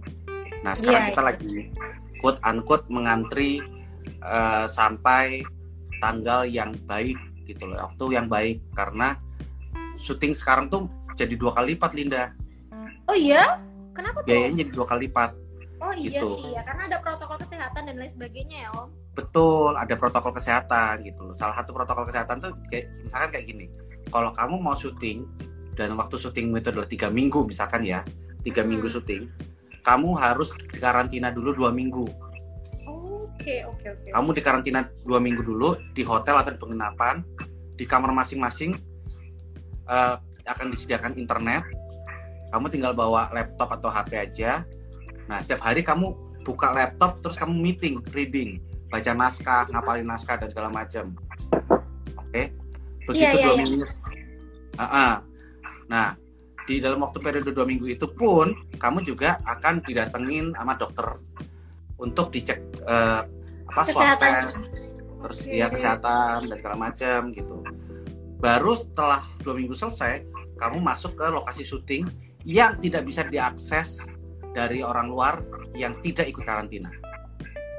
Oke, jadi kayak misalkan kalau misalkan syuting-syuting di uh, lokasi itu biasa ada tukang bakso kah? Ada orang jualan apa? Itu nggak bisa ya. Udah benar-benar di ditutup. Iya. Aksesnya. atau sekedar iya atau sekedar temen datang pengen ngeliat syuting itu nggak udah nggak bisa. oh. udah nggak bisa. Udah nggak bisa karena dianggap uh, tidak ikut karantina bersama. Gitu loh. Dan iya. dan begitu lo udah selesai syuting nih ya hmm. begitu lo udah selesai syuting lo juga ada karantina lagi Oh iya, jadi ada dua iya. karantina iya. dong Om. Sebelum Betul. syuting sama setelah syuting ya? Iya. Oh. Lo pada saat dibalikin ke rumah lo, make sure dalam kondisi oke. Okay. Kalau enggak lo akan menyebarkan uh, apa sakit lo ke mana-mana gitu loh. Takutnya begitu. Tapi karantinanya biasanya nggak lama kalau misalkan yang uh, pulang ke rumah. Hmm. Karantinanya nggak lama. Gitu loh. Anggapannya adalah kalau misalkan terjadi apa-apa ya udah paling nggak kan dia bisa lama di rumah yeah, isolasi yeah. mandiri. Gitu. Nah, uh, apalagi ya? Oh iya, kalau dulu syuting sebelum pandemi satu hari itu bisa bisa 10 sampai 15 scene per hari. Wow, Sekarang banyak. Banyak kan? Sekarang cuma separuhnya. Oke, jadi dipotong banget ya Om ya untuk scene-nya juga. Iya, dipotong scene-nya kenapa? Supaya setiap orang bisa tidur cukup, supaya imunitasnya tidak terdampak dan hmm dan gini juga kalau dulu kan kalau kita lagi syuting misalkan ada set syuting nih hmm. ya kan ada lokasi syuting iya lokasi syuting kan pasti rame iya pasti oh banyak ada sutradara kame, tim kamera tim iya. art tim make up wardrobe. tim talent iya talent. iya wardrobe gitu nah sekarang harus bergantian kan kalau kerja. Di iya. lokasi syuting pertama yang masuk tim tim lighting sama tim art dulu. Terus tim kamera gitu. Eh sorry. Terus tim art udah keluar baru tim penyutradaraan sama pemain. Terus habis itu nanti kalau udah selesai gantian lagi gitu. Karena masuknya ganti-gantian jadi butuh waktu. Nggak bisa sambil seketika sama-sama hmm oke oke oke. Itu yang bikin lama. Tapi om berarti uh, postpone syutingnya ini nggak tahu ya om ya mau sampai kapan gitu? Atau udah salah satu nah awalnya itu postpone sampai Agustus. Terus begitu Agustus sudah datang bilangnya iya bilangnya Oktober.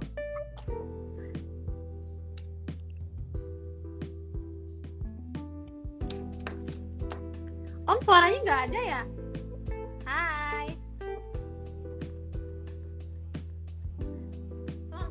Suaranya Om Denis kedengeran nggak? Oh, Om Denisnya lagi nih, mungkin lagi sinyalnya nggak bagus kali ya. Kita tunggu lagi, kira-kira mau join lagi nggak? Iya, jadi sinyalnya tuh Nah, mungkin sinyalnya lagi nggak bagus ya. Hmm. Guys, kalau kalian ada pertanyaan sama Om Denny, silahkan dong disampaikan di kolom komentar. Tanya apa aja seputar ah, side hustle atau mungkin kesibukannya Om Denny atau apa gitu bebas. Kita tunggu. Oh, yes. Kok tadi nggak ada suaranya? Iya, tadi uh, ada panggilan dari kurir masuk ya terus suaranya hilang kan terus gue matiin gue riset dulu. banyak ya dapat paket ya bapak ya syukurlah makanya. Nah alhamdulillah ya orang dari mana-mana datangnya. Ya. Oke Om, lanjut Om. Yang tadi soal syuting di postpone nggak tahu sampai kapan karena diperpanjang. Iya. Kira-kira Om kalau aku nanya terkait dengan uh, film yang akan dirilis sama Om Denis dan juga tim gitu. Kira-kira apa nih Om gitu? Apakah boleh disebutkan? udah oleh udah boleh dimention belum ke uh, halayak umum atau masih disembunyikan atau gimana nih Om? Apa tuh? Menang banyak. Wih. Tuh, Itu ya, ya guys. Baca tuh final draft Maret 2020. Ya Allah. Akhirnya menjadi syuting bulan Februari. Dari Maret berarti udah sekitar enam bulanan, oh tujuh bulan ini. Iya, tapi nggak apa-apa. Uh, akhirnya aku juga uh, ambil beberapa kerjaan-kerjaan lain sebagai pembicara juga, terus habis itu webinar. Sama besok sih ada syuting lagi. Jadi Mantap. kemarin juga PSBB yang kemarin juga ada syuting, tapi buat semacam apa ya uh, uh, kayak kayak buat streaming. Oh oke okay, oke okay, oke. Okay. Jadi bayangin akhirnya bisnisnya orang-orang itu adalah bikin film ya untuk ditayangkan di platform-platform streaming. Oke. Okay. Gitu, tapi buatan lokal gitu. Kalau kamu lihat kan di Netflix itu kan banyak kan Netflix iya, original, original gitu kan. Nah, Netflix original itu sebenarnya ada dua tipenya ada dua film-film Tarantino tuh. Yang pertama adalah film bioskop yang tayangnya di benua lain, tapi tayangnya di sama Netflix untuk diedarkan secara internasional Netflix. Atau yang kedua, film-film yang belum tayang di bioskop mana-mana, hmm. ya tayang karena memang dibikin khusus untuk tayang di Netflix. Oke. Okay. Eh Om, kalau ngomongin soal Netflix, sebenarnya gini Om sekarang kan orang tuh lagi pada nontonnya ke arah sana gitu kan kemarin ya. tuh aku sempet nih om kayak dengerin salah satu speaker om om om Dennis pasti kenal Gary V kan ya Gary V tahu. Iya kan? Dia tau, tuh tahu. bilang gini om. Dia tuh bilang gini uh, dia ini menarik sih om. Karena baru baru baru barusan banget kemarin dia ditanya sama salah satu milenials gitu kan. Dia bilang soal uh, Netflix dia bilang gini uh, saya itu nggak mau menghabiskan banyak waktu saya di Netflix tapi saya membuat bisnis saya berkembang di situ gitu. Jadi istilahnya dia invest di Netflix itu loh. Nah itu keren banget sih om. Terus salah satu uh, audiensnya tuh tanya gini sama dia uh, tapi uh, saya itu belum punya stepping stone yang jelas gitu. Gimana caranya saya untuk bisa mengembangkan istilahnya finansial saya supaya bisa berkembang dan nggak menghabiskan uh, istilahnya tuh waktu saya secara sia-sia gitu. Terus dia bilang bahkan ya umur 54 tahun pun saya bilang itu masih muda. Itu keren banget sih om. Ya memang. Iya jadi kayak jadi Gary Vee tuh bilang 54 tahun tuh muda gitu loh. You are still ya, young. Ya gitu emang. Ya emang. Apalagi lo millennials gitu. Itu keren sih om menurutku. Di di di dunia keaktoran dan seni itu kita selalu diajarin bahwa nggak ada yang namanya pensiun sebelum kamu mengeluarkan nafas terakhir. Iya iya benar benar Serius, karena uh, eh, gue kan di Parvi juga, Parvi 56 juga. Gue ngurusin tentang uh, apa namanya, gimana caranya uh, bantuin kebijakan, gimana caranya supaya negara bisa membantu pensiun gitu kan. Nah itu susah. Finisi iya. pensiun dunia film itu susah karena apa? Ya lo kalau jadi aktor umur 70 juga tetap bisa dapat kerjaan kok jadi peran kakek. jadi peran kakek. Iya jadi bos bos yang senior atau apa pasti lo bisa masih an gitu loh. Atau bahkan lo juga bisa bekerja sebagai guru sanggar atau guru teater gitu. Jadi emang benar-benar tidak ada definisi lo pensiun yang yang yang kayak orang karyawan perusahaan gitu. Yang umur 55 tahun umur 60 udah harus pensiun gitu. Nggak ada kayak gitu. Nah kalau misalkan Gary Vee bilang bahwa umur 54 itu masih muda ya jelas lah. Lu nggak ngeliat badannya Lenny Kravitz iya. Jelo juga om kalau versi cewek. Iya gitu loh. Nggak lu aja Linda. Lu pasti ngeliatin badannya Lenny Kravitz kan? Iya ya iya. yeah. nggak apa-apa. Dia tuh immortal kali ya om ya? Waduh parah. Mm -mm. itu membuktikan bahwa memang lu jangan berasa tua dulu gitu loh. Lu jangan berasa lu deket sama apa nama sama sebuah titik. Enggak lu hidup lu boleh ada koma tapi jangan sampai ada titik. Lu mati. Nah quote of the day. Hidup lu boleh ada koma tapi nggak boleh ada titik. Top om ini jempol dua. Keren sih. Bukan sengaja itu? Tapi tapi akhirnya beneran gitu. Oke oke oke oke. Jadi kita harus punya ya om. Jiwa muda itu harus terus dipupuk yeah. lah di dalam diri gitu supaya kita terus istilahnya tuh produktif dan juga uh, menghasilkan lah nggak cuma menghasilkan soal yeah. uang tapi juga soal ilmu gitu ya om ya ya makanya balik lagi ke tema kita asal kita hmm. harus punya visi misi nah visi yeah. misi itu apa kalau gua diajarin sama teman gua anak startup ya saya selalu bilang Dan coba lo harus mikir sesuatu yang moonshot Dan hmm. moonshot. Maksudnya apa? Kalau lo punya cita-cita jangan terlalu dekat jaraknya sekarang. Lo harus bikin sesuatu yang yang kayak itu pertama kali dari ke bulan cita-cita yang memang benar impossible gitu tapi lo tahu itu sebenarnya bisa dan itu bisa berdampak. Bahkan kalau misalkan lo tak nggak tahu itu bisa apa enggak juga nggak apa-apa deh. Yang penting kita tahu jalannya gitu loh. Elon Musk nggak bisa sekarang kalau dia nggak punya cita-cita koloni di sana. Iya. Benar-benar nah, dan dan dan mindset itu itu yang gue pelajari sebenarnya. Dan kita harus belajar dari Mas juga. Gini Elon Musk itu tahu bahwa suatu hari nanti manusia harus punya koloni kemang. Sehingga ketika kita tahu tujuannya apa, kita tahu kita startnya ada yang perlu kita cari adalah titik-titik di antaranya. Oke, kita harus ke Mars. Kita dari bumi. Untuk dari bumi ke Mars butuh apa, Lina?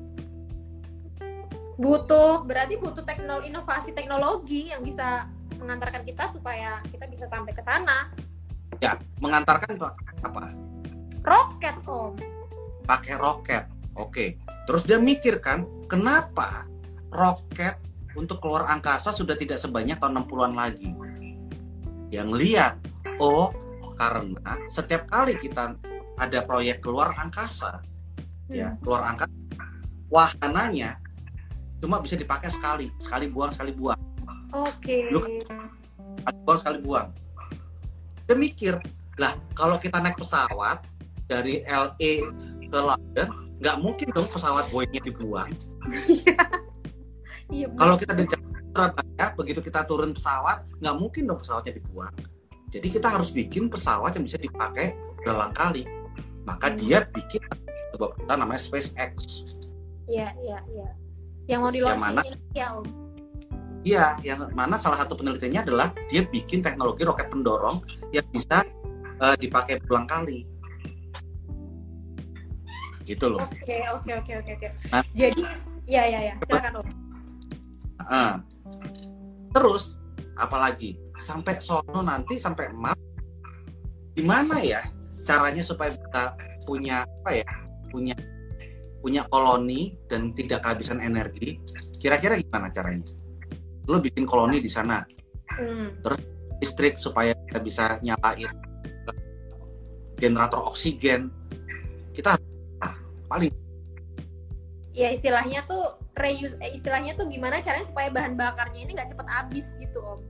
ya kita di sana harus punya renewable energy supaya bisa kita hidup. Iya, iya, iya. Dia bikin Tesla, Iya. dia bikin mobil listrik. Yang sebenarnya orang-orang lihat perusahaan mobil, tapi kalau gue ngeliat ya, itu bukan baterai. Serius, dia bikin perusahaan baterai, ditaruh di biar keren, Oh, Terus, oke. ya kan? Sebenarnya Teknologi gitu, Om. Iya, supaya keren, supaya jadi berita dan supaya bisa eh, dia bilang ini akan menjadi eh, kendaraan masa depan karena pakai renewable energy. Nah, orang-orang kan jadi bertanya-tanya renewable energinya apa? Gitu. Iya. Yang pakai eh, matahari, tapi teknologi baterainya itu sebenarnya yang dia jual karena teknologi baterai jadi untuk apa?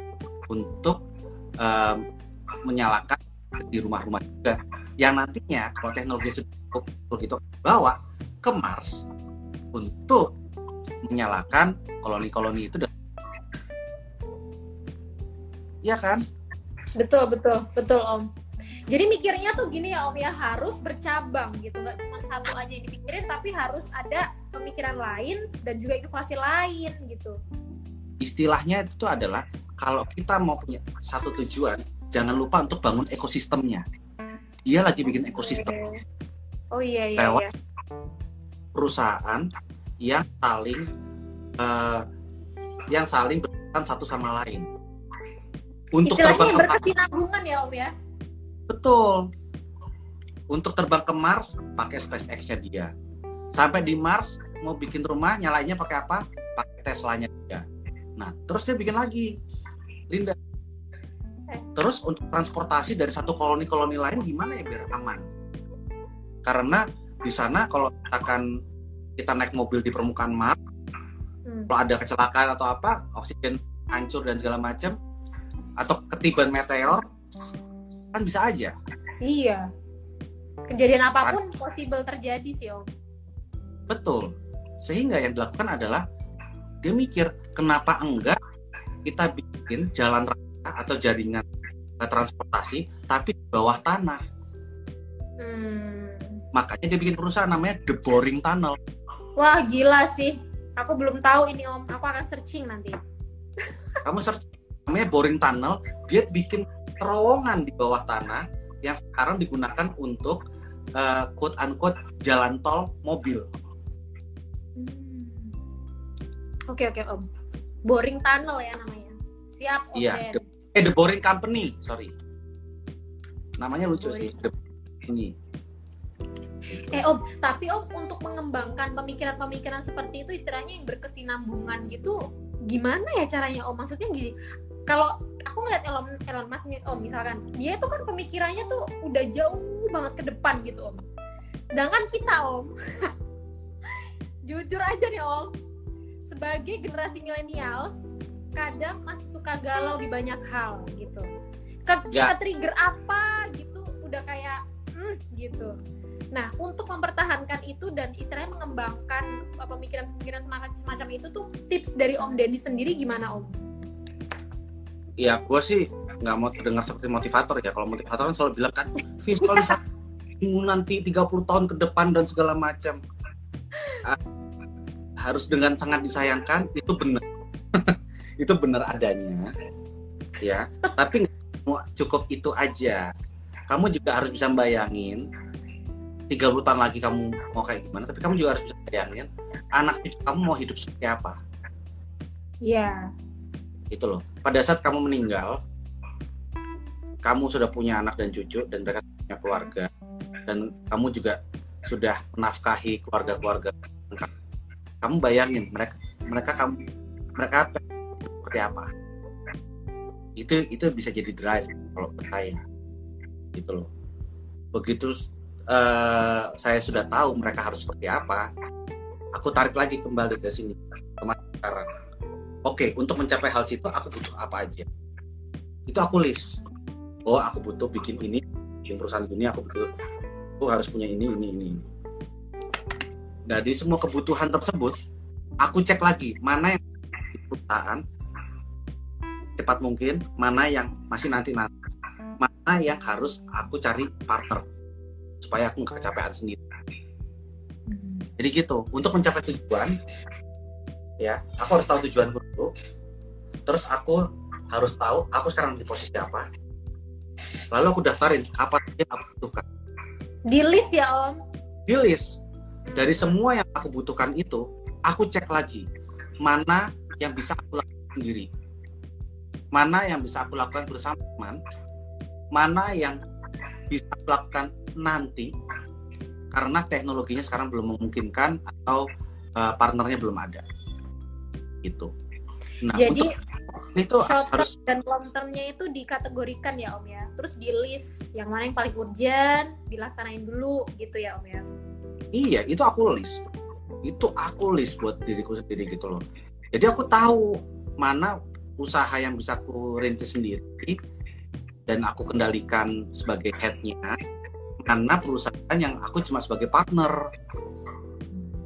Sehingga kalau aku sebagai partner saja aku mungkin tidak waktu itu karena sekali lagi waktu itu ada harta kita. Gitu loh ada dua ya waktu dan uang. Itu adalah harta waktu. yang nyata. Iya.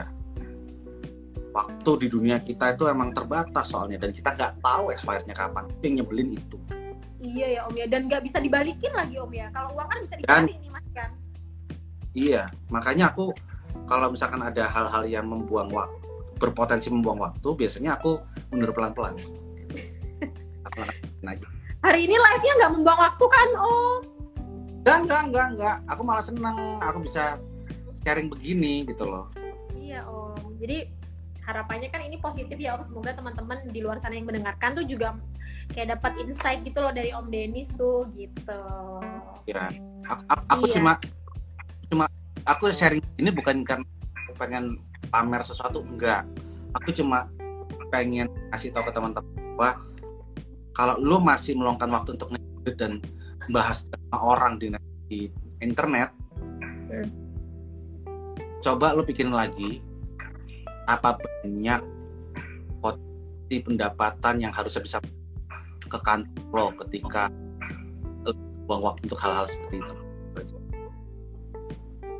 Iya ya om bener sih asli sih om jadi iya sih kita cenderung apalagi kalau misalkan kita mainan sosmed om itu bisa sampai berjam-jam gitu dan istilahnya tuh menyita waktu banget sekarang kan platform tuh banyak banget tuh nggak cuma Instagram ya ada Facebook ada Twitter, ada YouTube, apalagi yang lagi booming. Ya, sim simple. Dinda. Hmm. Hmm. Itu, aku agak motor itu simple cara nggak cara ngatasinnya. Hmm. Kalau bangun pagi, jangan langsung ambil HP. Oke. Okay. What should bangun I do when I wake up, Om? Hah? What should I do when I wake up? Cuci muka. Cuci muka. of course I do. terus habis itu iya. olahraga dikit atau apa nah biasanya kalau aku nih ya habis olahraga kan aku minum nih udah mulai kedorong tuh isi isi perut tuh pada saat ini mulai terdorong baru aku bawa HP ke pet Oke. Okay. Baru aku update di situ. Jadi kalau misalkan teman-teman lagi janjian sama aku, dia nanti kita begini yuk nih gitu ya. Maaf ya itu sebenarnya gue juga kemungkinan besar gue lagi nggak pakai celana gitu so ya pengakuan jujur dari seorang Denis Adiswa iya kemungkinan besar gue lagi nggak pakai ini celana ada wartawan nggak di sini mohon maaf iya loh ya nggak apa-apa lagi kan lu nggak perlu lihat dan lu nggak perlu tahu. Tapi kalau gue mesti kasih tahu ya itu itu.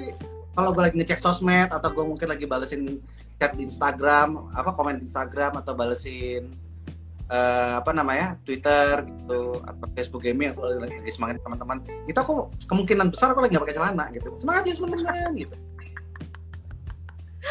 iya iya iya om. Dan itu normal ya om. Semua orang pasti Iya. juga melakukan itu gitu. Meskipun dengan Iya. caranya yang beda-beda gitu. Ih.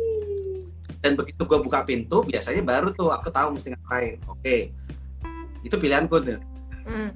bisa aja lanjut kerja atau kalau misalnya ada waktu luang ya aku bisa nonton teman-teman di Facebook Gaming. Nah kali ini udah pakai celana. Gitu. Aku udah pakai celana gitu Iya iya iya om, Wuh, seru. Om, eh, aku nanya satu kali lagi. Ini karena pertanyaan terakhir sih sebenarnya. Sebenarnya janjian kita tadi 30 menit tapi nggak apa-apa ya om. Ya Allah semoga om Dennis nggak kapok nih. apa, ini kamu podcastnya jadi berapa lama nih jadi dua episode kayaknya Om, tadi tadi tuh tadi tuh kan udah aku share. Jadi nanti aku bikin dua sesi nggak apa-apa ya om ya. nggak apa-apa nggak apa-apa Yang satunya Pas. random talk gitu. ya bareng Denis Adiswara. Eh, um, gini Om, soal timing gitu untuk memaksimalkan waktu. Biasanya dalam 24 jam istilahnya kita kan punya dikasih kesempatan Tuhan tuh waktu yang sama nih Om untuk eh, hidup gitu, untuk menjalani keseharian. Kalau tips dari Om Denis sendiri supaya 24 jam ini udah kan udah kepotong tidur dan lain sebagainya itu mungkin sekitar berapa tuh Om berarti? 8 jam ya berarti Oke. tidur tuh. Nah, itu gimana Om Tidur. supaya kita tetap produktif dan kita bisa memaksimalkan apa yang ingin kita kejar untuk mencapai goal kita gitu. beda-beda tiap harinya ada hari-hari gue Instagram ada kalau misalkan gue bikin Instagram ini dulu ya gue sempat Iya. rajin itu itu sehari untuk konten Instagram seminggu gue meluangkan 4 jam 4 jam. Mm-mm. satu jam riset satu jam eh, bikin poin-poinnya mau tulis apa oke dua jam sisanya itu adalah kontennya entah itu video videonya entah itu bikin visualnya dan segala macam pokoknya itu harus cukup buat tujuh hari Jadi bikin rencana dalam satu minggu ke depan itu dalam waktu 4 jam itu? Ya. Oke. Terus kalau misalkan kan nih gaming nih apa sama main Facebook? Game nih streaming. Udah gua sudah alokasi paling tidak tiga jam. Gitu. Paling Hmm. tidak tiga jam. Dua sampai tiga jam. Nah dua sampai tiga jam itu pun juga harus lakuin uh, game yang memang dan gua mainin gitu. Karena kalau enggak dan menyenangkan menjadi sebuah rutin membosankan kan? Iya. jadi gue harus make sure gue harus pilih game yang memang gue suka. Untungnya adalah ada penonton yang apa ya gue memiliki persam irisan ya. Ada irisan untungnya ada antara selera gue selera tim gue dengan seleranya penonton. Terutama di genre horor. Padahal Om Dennis takut nih sama horor. Tapi main itu mulu. kagetan beda ya itu sesuatu yang beda ya Om. Baiklah. Terus apalagi ya? Terus selain game tersebut juga harus ada yang namanya jam bersosialisasi. Hmm. Bersosialisasi ini bisa gua alokasikan misalkan ya Hmm. eh,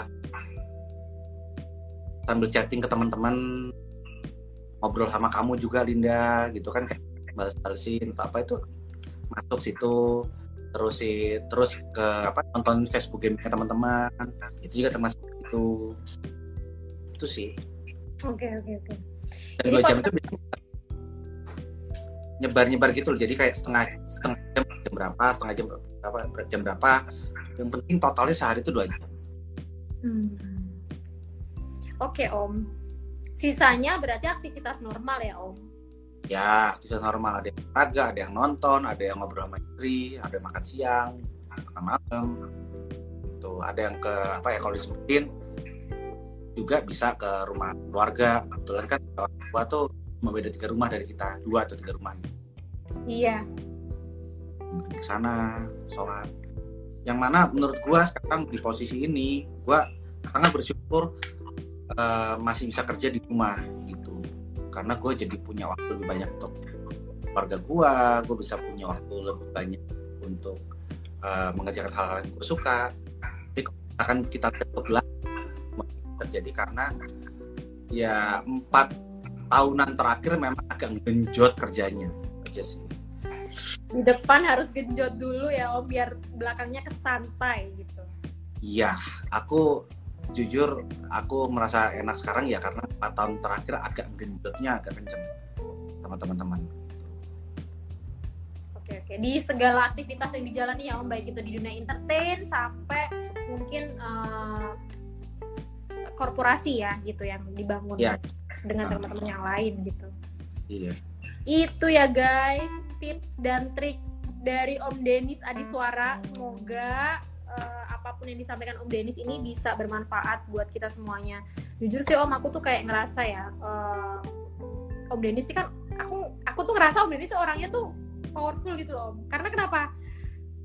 Umurnya udah banyak, tapi jiwa jiwanya tuh milenial gitu loh. Umurnya banyak. Hmm. Tapi jiwanya tuh jiwa-jiwa muda. Kucing kucing juga nyawanya banyak kan, tapi Iya. Nggak ada maksud nggak ada maksud apa pun nih Om ya. Maksudnya jangan kapok ya Om ya kalau aku ajak live gitu. enggak gitu lah. Om. Jadi aku melihat tuh Om Denis nih orangnya tuh sangat semangat gitu loh Om. Istilahnya tuh bukan cuman eh, di skala usianya juga tapi lintas generasi nih Om gitu. Jadi mau deketin anak-anak muda yang usianya jauh. Kayak misalkan aku nih kan sama Om Denis juga jauh gitu kan usianya. Itu tuh mau gitu loh untuk ngobrol. Kayak misalkan sharing something gitu. Itu keren sih Om dan gak semua orang mau seperti itu gitu. Iya, tapi tahu kan kita nggak jauh itu sih sebenarnya. Sebenarnya Aku tadi Kalau udah searching Om Denis sih sebenarnya.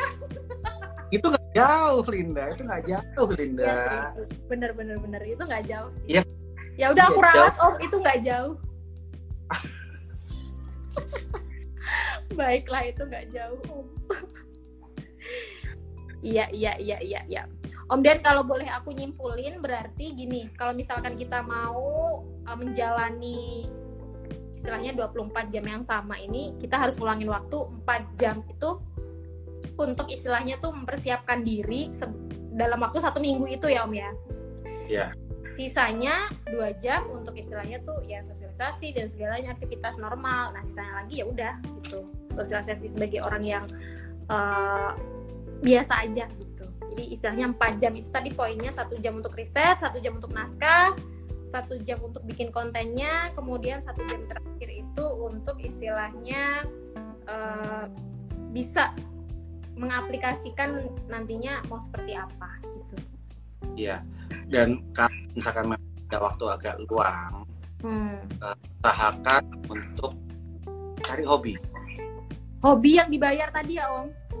Nggak usah dibayar pun juga nggak apa-apa. Yang penting cari hobi dulu. Eh, Hobi dulu. apa ya? eh, hobi itu penting teman-teman.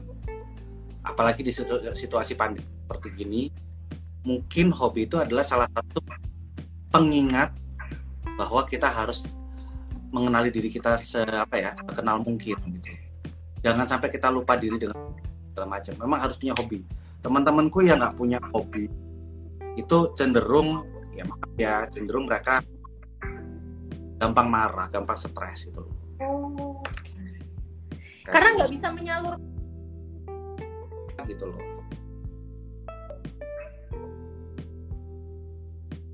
Iya, Itu pengaruh ya Om ke psikologi ya sebenarnya Om. sangat, sangat.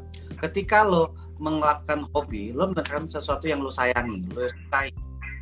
Ya, lo ada semacam apa ya? sense of apa istilahnya ya? sense of purpose gitu. Lo kayak punya semacam tujuan untuk hidup.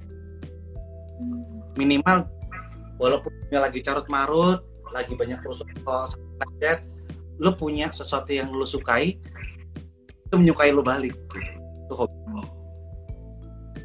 oke oke.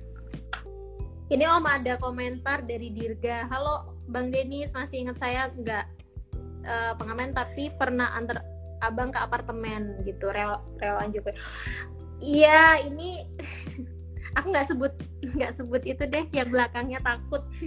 Nggak apa-apa nggak apa-apa. Ingat bang ingat bang. Saya cuma ketawanya gara-gara apa? Pernah antar abang ke apartemen abang. Itu bukan apartemen saya. Apartemennya orang ternyata ya.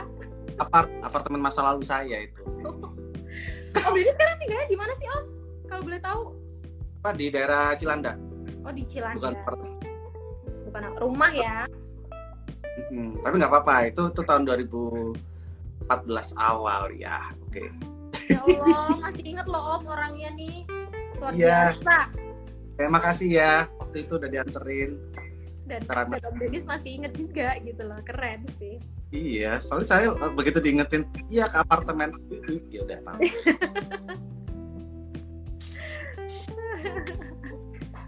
Om pesan terakhir Om untuk generasi di semuanya sih istilahnya pesan-pesan yang Om Denny sampaikan untuk istilahnya tuh mengembangkan entah itu hobi, entah itu side hustle, entah itu side job yang sedang dilakukan gitu untuk semua generasi Om. Apa nih Om kira-kira? Ingat kalau mau kaya nggak bisa instan. Mungkin butuh kerja keras antar generasi. Itu aja sih. Itu itu yang apa ya mudah-mudahan itu bisa jadi ajaran berharga buat kita semua sih teman-teman. Karena aku juga baru nyata juga. Bahwa hanya bisa ya itu ternyata nggak nggak harus diburu-buru juga tapi juga butuh kerja keras lintas generasi. Mudah-mudahan kalau misalkan kalian sekarang lagi di posisi berjuang gue pengen ngucapin semangat. Mudah-mudahan anak lo nanti bisa ada di kondisi yang lebih baik ketika dia umur sama kayak lo dan itu adalah sebuah kebahagiaan yang tidak ternilai kuncinya itu berarti kan harus konsisten ya om ya dan juga tekun lah ya istilahnya gitu. Iya gue sih ngomong konsisten sama tekun aja juga nggak cukup sebenarnya. Karena butuh lintas generasi. Dan setiap generasi itu punya challenge beda-beda. Kapan-kapan iya. kita harus diskusi sama orang yang lebih pinter dan bisa memetakan apa saja tantangan yang ada di generasi sekarang, apa aja tantangan yang ada di generasi mendatang. Itu lo harus ketemu sama orang itu.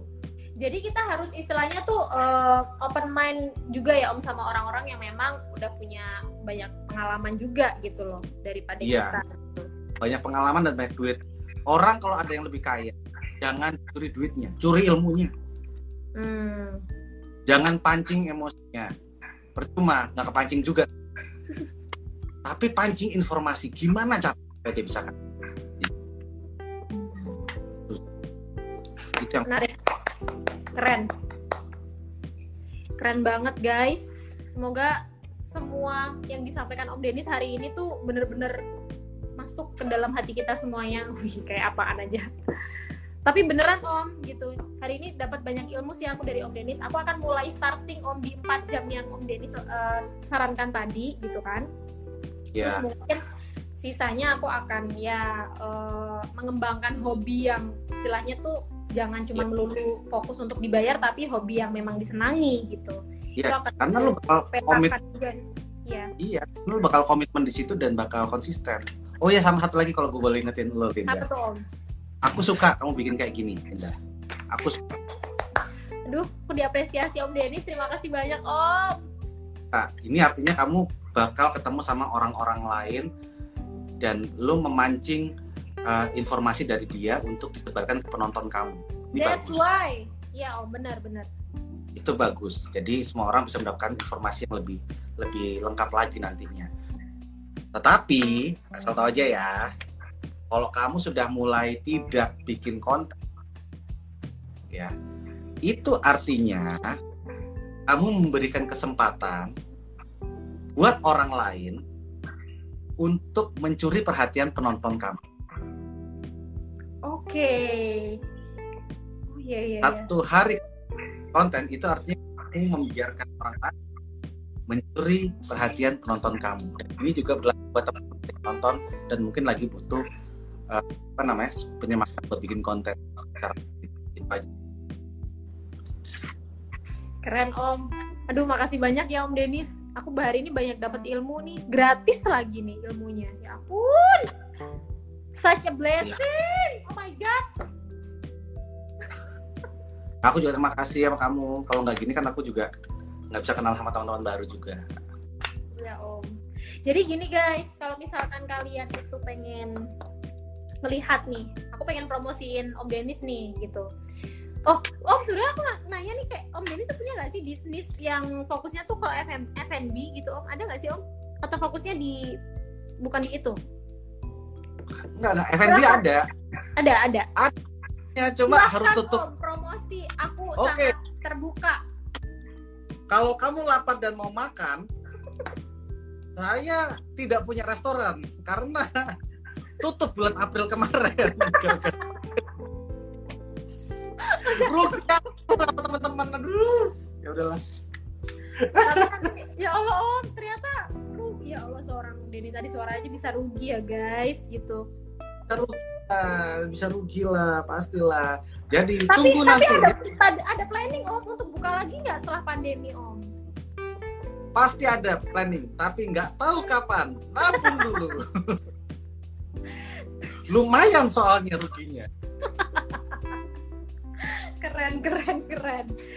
Ya mungkin bisnis lain om yang mau dipromosikan silahkan ada nggak kira-kira om ya nonton Facebook Gaming Live aja lah itu nah itu aja deh kalau gitu. Jadi om jadi iya, suka iya.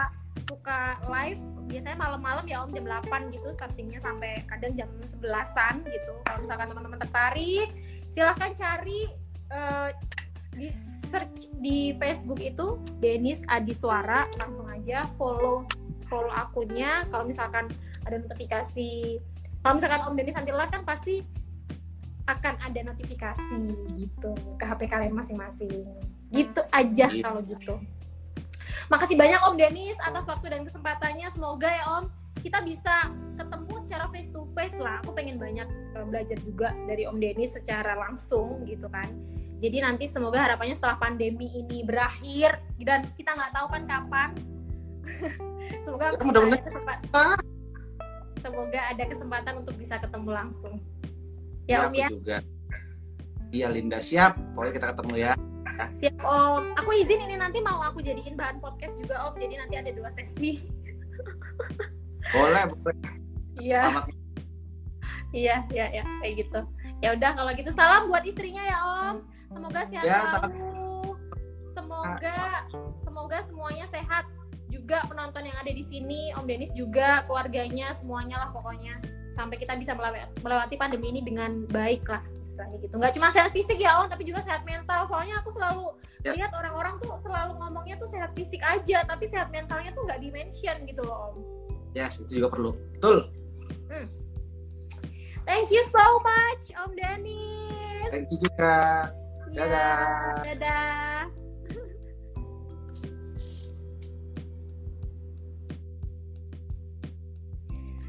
Yeay, akhirnya selesai juga sharing session hari ini sama Om Denis.